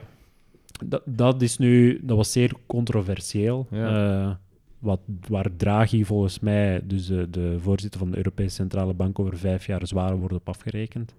Op heel die, Mhm. die, die praktijken. Maar dat is dus de, de, eh, het rendement dat je krijgt op Griekenland bijvoorbeeld dan, Mhm. is niet meer de weerspiegeling van hoeveel risico dat Griekenland heeft. Want er is altijd wel iemand dat bereid is om die Griekse Ach, ja. obligatie te kopen. Mhm. Maar nu, dat is dan het grote ding vandaag. Er, de, de Europese Centrale Bank heeft 2% als inflatie als hun, als hun richtterm. Ja. Ja. En met al het geld dat wordt bijgedrukt, want dat gaat over massaal geld per maand, wordt er geen inflatie gecreëerd. Dus het hoeft niet noodzakelijk te zijn dat extra geld bijdrukken of extra geld in de economie brengen leidt tot inflatie. Ja, Want. Omdat is- de economie groeit ook. Of... wat is, ja, wa- wat is zeker het grote probleem geweest na de financiële crisis, is enorm veel banken begonnen schrik te krijgen, want Mhm. die hadden serieuze verliezen geleden door, eh, geleden sorry, door eh, al die huizen en de housing bubble. Dus die stopten gewoon met geld te lenen. Ja. Dus de, de plaatselijke KMO kon veel moeilijk aan, het geld te aan geld geraken, want het risico was veel te hoog. Dus wat Ja. deed de Europese Centrale Bank? Meer geld in het systeem brengen in de hoop dat banken toch terug begonnen te bankieren. Ja. En die extra transitie van financiële markt naar reële markt is er eigenlijk nooit gekomen. Ah, oké. En dat is dan het grote probleem geweest, waarom dat er zo weinig inflatie wordt, Ah, wordt, eh, wordt gedaan. Want er gaan gewoon heel weinig bedrijven nog naar de beurs, of heel weinig bedrijven worden opgericht, zeker tegenover de pre-financiële crisisperiode. En ondertussen is de rente nul of negatief, of wat is het? En soms, soms is het negatief, ja. afhankelijk een beetje van welk land Dat betekent dat dan dat eigenlijk de Europese Centrale Bank al zijn kaarten heeft uitgespeeld en als er nu iets ernstig gebeurt, dat het ja, gewoon aan omhoog. Dat het geen mechanisme meer heeft om, Wel, een- om dat, de denk ik, economie te stimuleren. dat denk ik ook, ja. Ja. Eh, Ja, dat is natuurlijk iets verder van uw bed, want dat is al echt monetaire economie. Ja. Dit is niet echt de, ja. Maar dat is inderdaad wat, wat het grote probleem is. Als je zoveel kaarten op tafel hebt gelegd, heb je veel weinig nog in je hand om mee, mee te spelen. En daar, Ja. daar zitten ze inderdaad aan. Want ze zijn eerst naar landen gegaan, maar zoals ik daar juist zei, hebben heel, kopen ze ook al bedrijfsobligaties op. Dat was tien jaar geleden ondenkbaar. En vandaag de dag moeten ze dat toch doen om toch iets te proberen om de economie aan te zwengelen. Net Ja. omdat de banken hun ehm, historische rol minder uitspelen dan... Ja, onder andere. Ja, en, allee, en dan komen we terug op een van de eerdere vragen. Als bedrijf, als, stel je voor dat je een bedrijfsleider bent met echt slechte eh, intenties. Ja, Mhm. vandaag de dag is super gemakkelijk om aan geld te geraken. Mhm. Want iedereen is bereid om zo mee te stappen in, het, in, in dat grote verhaal. Daarom zie je ook dat de aandelenmarkt sinds 2011 gewoon keihard omhoog aan het gaan is. Zeker sinds de financiële crisis, dat blijft jaar na jaar stijgen. Omdat er gewoon zoveel omdat er geld- zoveel geld is en op obligaties verdien je geen geld. Want je hebt altijd iemand dat het overkoopt. Dus die prijs gaat naar beneden. Mhm. Dus ja, moet je wel in aandelen gaan beleggen om toch nog iets van rendement te hebben. En daarom, zeker wanneer dat we naar de Amerikaanse media kijken, is het hele recessiegevaar is voor, volgens mij voor aandeelhouders catastrofaal. Als er nu een Hmm. recessie komt, is het echt hard naar beneden. Meer dan daarvoor. Meer dan ervoor. En daarvoor zijn de 2008. Ja. Hallo. Eindigen op een positieve noot, hè. Ja, maar het is, ja, is zeker negatief, maar hey, dat moet je wel niet vergeten. De, de jaren, je hebt bijna tien jaar gehad dat het Ja. zeer goed gegaan is. Ja, Dat het nu dan eens even minder gaat, ja, dat is het leven. dat is weer inderdaad die, die conjunctuur waar je over spreekt. Dat de aandelenmarkt nu niet goed de conjunctuur weerspiegelt. Of het hele Brexit-geheel goed weerspiegelt. Want met Brexit, Brexit is het even naar beneden gegaan, maar we zitten nu terug al op hogere niveaus. Ja, ja Hmm. Desondanks dat er zoveel onzekerheid is Ja. rond wat gaat de uitkomst zijn van heel het verhaal. Ja, maar dat idee eh, ja, treed ik ook wel bij in de zin van Brexit is iets wat dat, als je het over heel lange termijn bekijkt, van heel korte, eh, op heel korte termijn heeft dat heel zware gevolgen gehad. Ja. En als je dat dan wel gaat uitvlakken over 50 Ja, jaar, de trend denk ik, ja. blijft waarschijnlijk hetzelfde. Ja. Ja. Hetzelfde met de financiële crisis. Uiteindelijk, als je nu een, een, een grafiek laat zien van de, de voorbije 50 jaar, denk ik niet dat je de financiële crisis eruit gaat kunnen halen. Nee, maar ehm, Ja. is dat ook niet te wijten aan het feit dat wij als... ehm, er is heel veel kritiek gekomen op het feit dat de Belgische staat eh, en andere staten de banken hebben gered. Maar mocht dat niet het geval zijn, zou het dan echt catastrofaal geweest zijn? Ja. Ja. Ja. Als je bijvoorbeeld kijkt dan naar, naar eh, Lehman Brothers Ja. en zeker naar, eh, naar Fortis. Als Fortis failliet gaat, zijn veel mensen hun spaargeld kwijt. Ja. En spaargeld werd toen nog niet ge, ge- eh, Ja, ge- beschermd. gegarandeerd Ja. tot 100.000. Daar hebben ze naar 100.000 euro opgetrokken. Ik zit safe dan.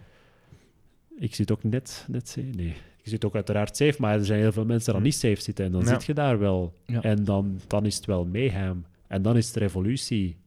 Eh, gelukkig is het niet zo ver gekomen, maar dat is wel Het is maar met één bank zo geweest, Lehman Brothers. Ja, dus met één bank, maar dat is het ding ook, en het was ook zeker met Fortis zo, dat banken lenen ook aan elkaar. Mhm. Ja, Dus oké, dan is web jij- te groot. voilà, als jij failliet gaat, heb ik ineens minder geld en dan Ja. gaan we naar persoon eh, bank X, die heeft ook, en dan zo... Dat is eigenlijk de reden waarom dat die Amerikaanse problematiek ook naar Europa is overgegaan. Ja. Als de Lehman Brothers hadden gered, was het veel minder, zelfs misschien niet geweest. Was het een keer een slechte week of een slechte maand geweest en was het allemaal wel oké Langs geweest. de andere kant, nu krijgen de banken ook het signaal, je hoort dat veel, dat je zegt, hè, we are too big Moral to fail. hazard, ja. Ehm, Mhm. het gaat, we kunnen doen wat dat we willen. Ja. Het enige wat dat wij kunnen doen als financiële regulator is de regels strenger maken en Ja. de banken erop afrekenen voordat het eh, ja, allemaal in het honderd draait. Dat klopt. Nee, dus eh, de- die wetgeving, dat heet Basel. En nu hebben we, zitten we aan Basel 3. Ehm, die, die wetgeving is veel beter. Banken moeten veel meer reserves bijhouden voor eh, een regenachtige dag, zoals vandaag bijvoorbeeld. eh, te Hmm. kunnen overleven. Ja. Want dat was Basel 2 veel minder. Ze dachten, ja, we zetten dat op eh, zoveel procent. dat is wel allemaal oké. Het gaat Ja, niet maar meer zo erg zijn. Dus de regels zijn strenger geworden na die crisis, maar dan wil ik toch even het argument van de man in de straat, mezelf dan, eh, Ja. naar boven halen. Ehm, ik heb altijd gehoord van, van mijn ouders, toen dat zij gingen lenen, dat was een regel met een derde. Zie dat je een derde van je, van uw loon, of twee derde van uw loon of zoiets, nog voor je eigen kunt overhouden, en een derde betaalt je gewoon voor lening. Toen ik ging kijken voor een job, toen dat ik nog eh, advocaat was, zei hij, oh, maar je mocht lenen wat dat je wilt, je moet gewoon zien dat je nog duizend euro over hebt voor je privéleven. Nu, ik weet niet iedereen dat een huis heeft en dat reparaties moet doen. Dat was toen een appartement, maar alleen Mhm. een tompie. Ehm 1000 euro netto om mee te leven vind ik heel weinig en vind ik redelijk weinig marge. Ja. Zeker ja, als job als advocaat, netto verdient je dan redelijk veel, maar je hebt geen zekerheden, je hebt geen Klopt, sociale ja. zekerheid, Ja, hè, moet je allemaal zelf betalen. Eh, en je gaat later wel eens een keer veranderen van job, dus dan kan dat ehm ineenstorten. Dus dan denk ik, ja, oké, wa- wa- waar zitten we met die, met die regel? Het leek vroeger nog veel strenger te zijn dan na de financiële crisis. Zijn er daar nieuwe gesprekken van bubbels die dat zich aan het vormen zijn? Niet per se op de huizenmarkt of... of... U, uw vraag heeft twee, twee delen.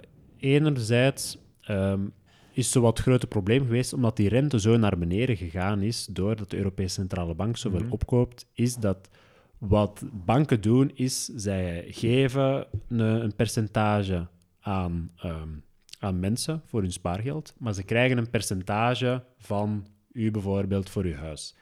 Het verschil tussen die twee is wat banken als winst maken. Maar Mhm. die, dat verschil is zo gedaald de afgelopen tijd, dat ze er eigenlijk goed bij doen om zoveel mogelijk mensen die in aanspraak komen een lening te geven. Dus in dat opzicht is er zo een beetje hetzelfde probleem zich aan het, in in mindere mate weliswaar, maar hetzelfde probleem als in 2007 zich aan het ontwikkelen als in de huizenmarkt in Amerika. Nu, anderzijds, waar denk ik dat het grote probleem gaat zijn, dat heeft met liquiditeit te maken. Iedereen koopt nu maar en koopt nu maar en koopt nu maar.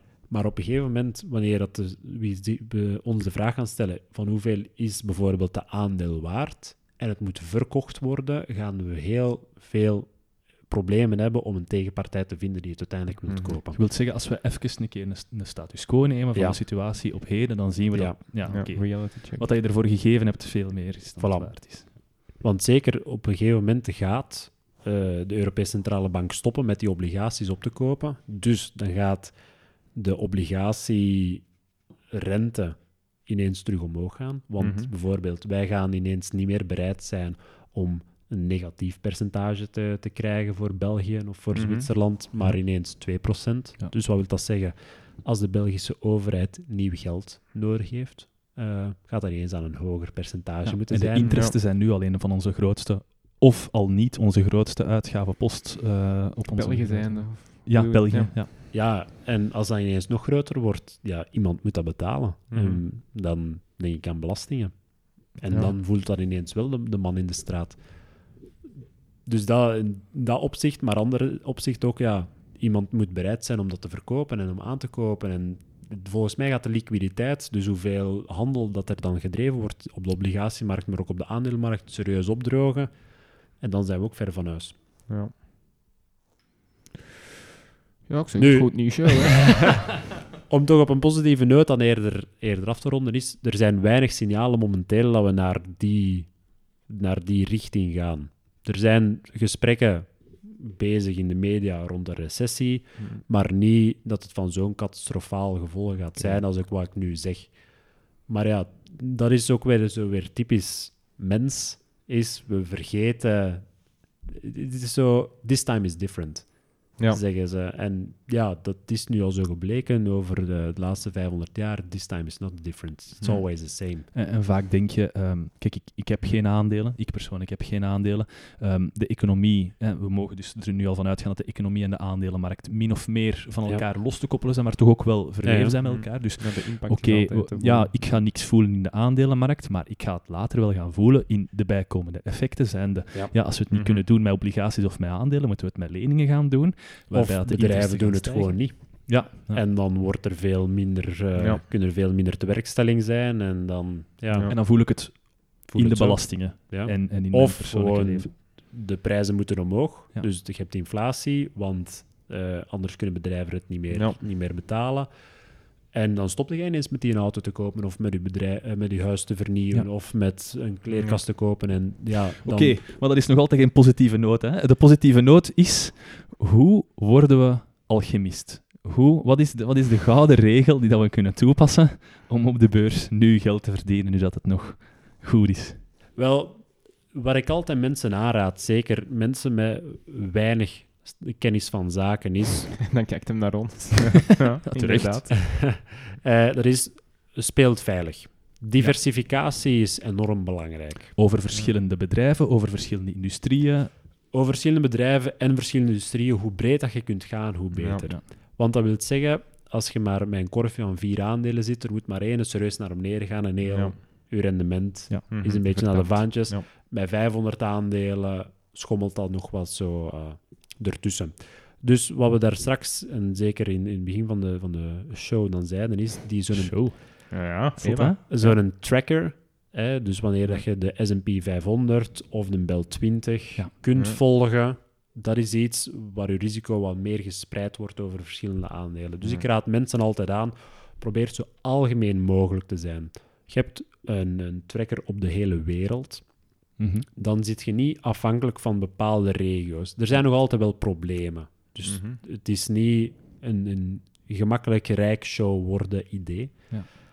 Maar je hebt veel minder die individuele bedrijfsproblemen, bedrijfs... eh, De Nasdaq is dan al wat gevaarlijker, omdat dat de techbedrijven zijn. ja, dus dat is specifiek één en ene sector, allee, veelal ene sector, technologie, groei. De S&P 500, waar ik van spreek, zijn de 500 grootste aandelen Ja. genoteerd Mhm. op, de, op de beurs in, eh, in New York. Dus dan zit je al in, in, bij financiële aandelen, maar ook nutsbedrijven, ook voeding. Je hebt veel meer verschillende eh, zaken die voor je kunnen werken en ook tegen Mhm. je kunnen werken. Dus je hebt een veel gebalanceerder plaatje. En dan zeven jaar wachten. Minstens zeven jaar wachten. Minstens zeven jaar wachten. En nooit verliezen. Spreken we nog iets af? Binnen zeven jaar? Als mijn Porsche voor de deur staat. ja, dat is goed, dat doen we. Ik heb nog geen rijbewijs. Maar wel een Dat zijn appartement, details. hè? Dat zijn dat is details een dan. appartement. Ja. Volgende- Ah ja, misschien een chauffeur dan. Oeh, Ja. ja. zeker, zeker. Oh, wat een aflevering. Ja, maar ik wil voor het afsluiten wel nog eens het muziekje van... Hoe heet het? Hoe heet het uw band? Ja, Cartesisch. Cartesisch. Ik wil dat we daarmee afsluiten. Ja? Oké, Ja. maar dan ga ik dat er gewoon inplakken nadien. Ja, ja, ja vind ik dat wel. is goed. Oké, iedereen, veel dank om te luisteren. Als je ons een plezier wilt doen, geld hebben we vooralsnog niet nodig, maar subscribe op onze show. Dan zie je al onze nieuwe berichten meteen toekomen. Ja. Dankjewel Gert-Jan, dankjewel. Gert-Jan. Graag gedaan. En Dank tot de volgende Steven. keer. Ciao! Ciao.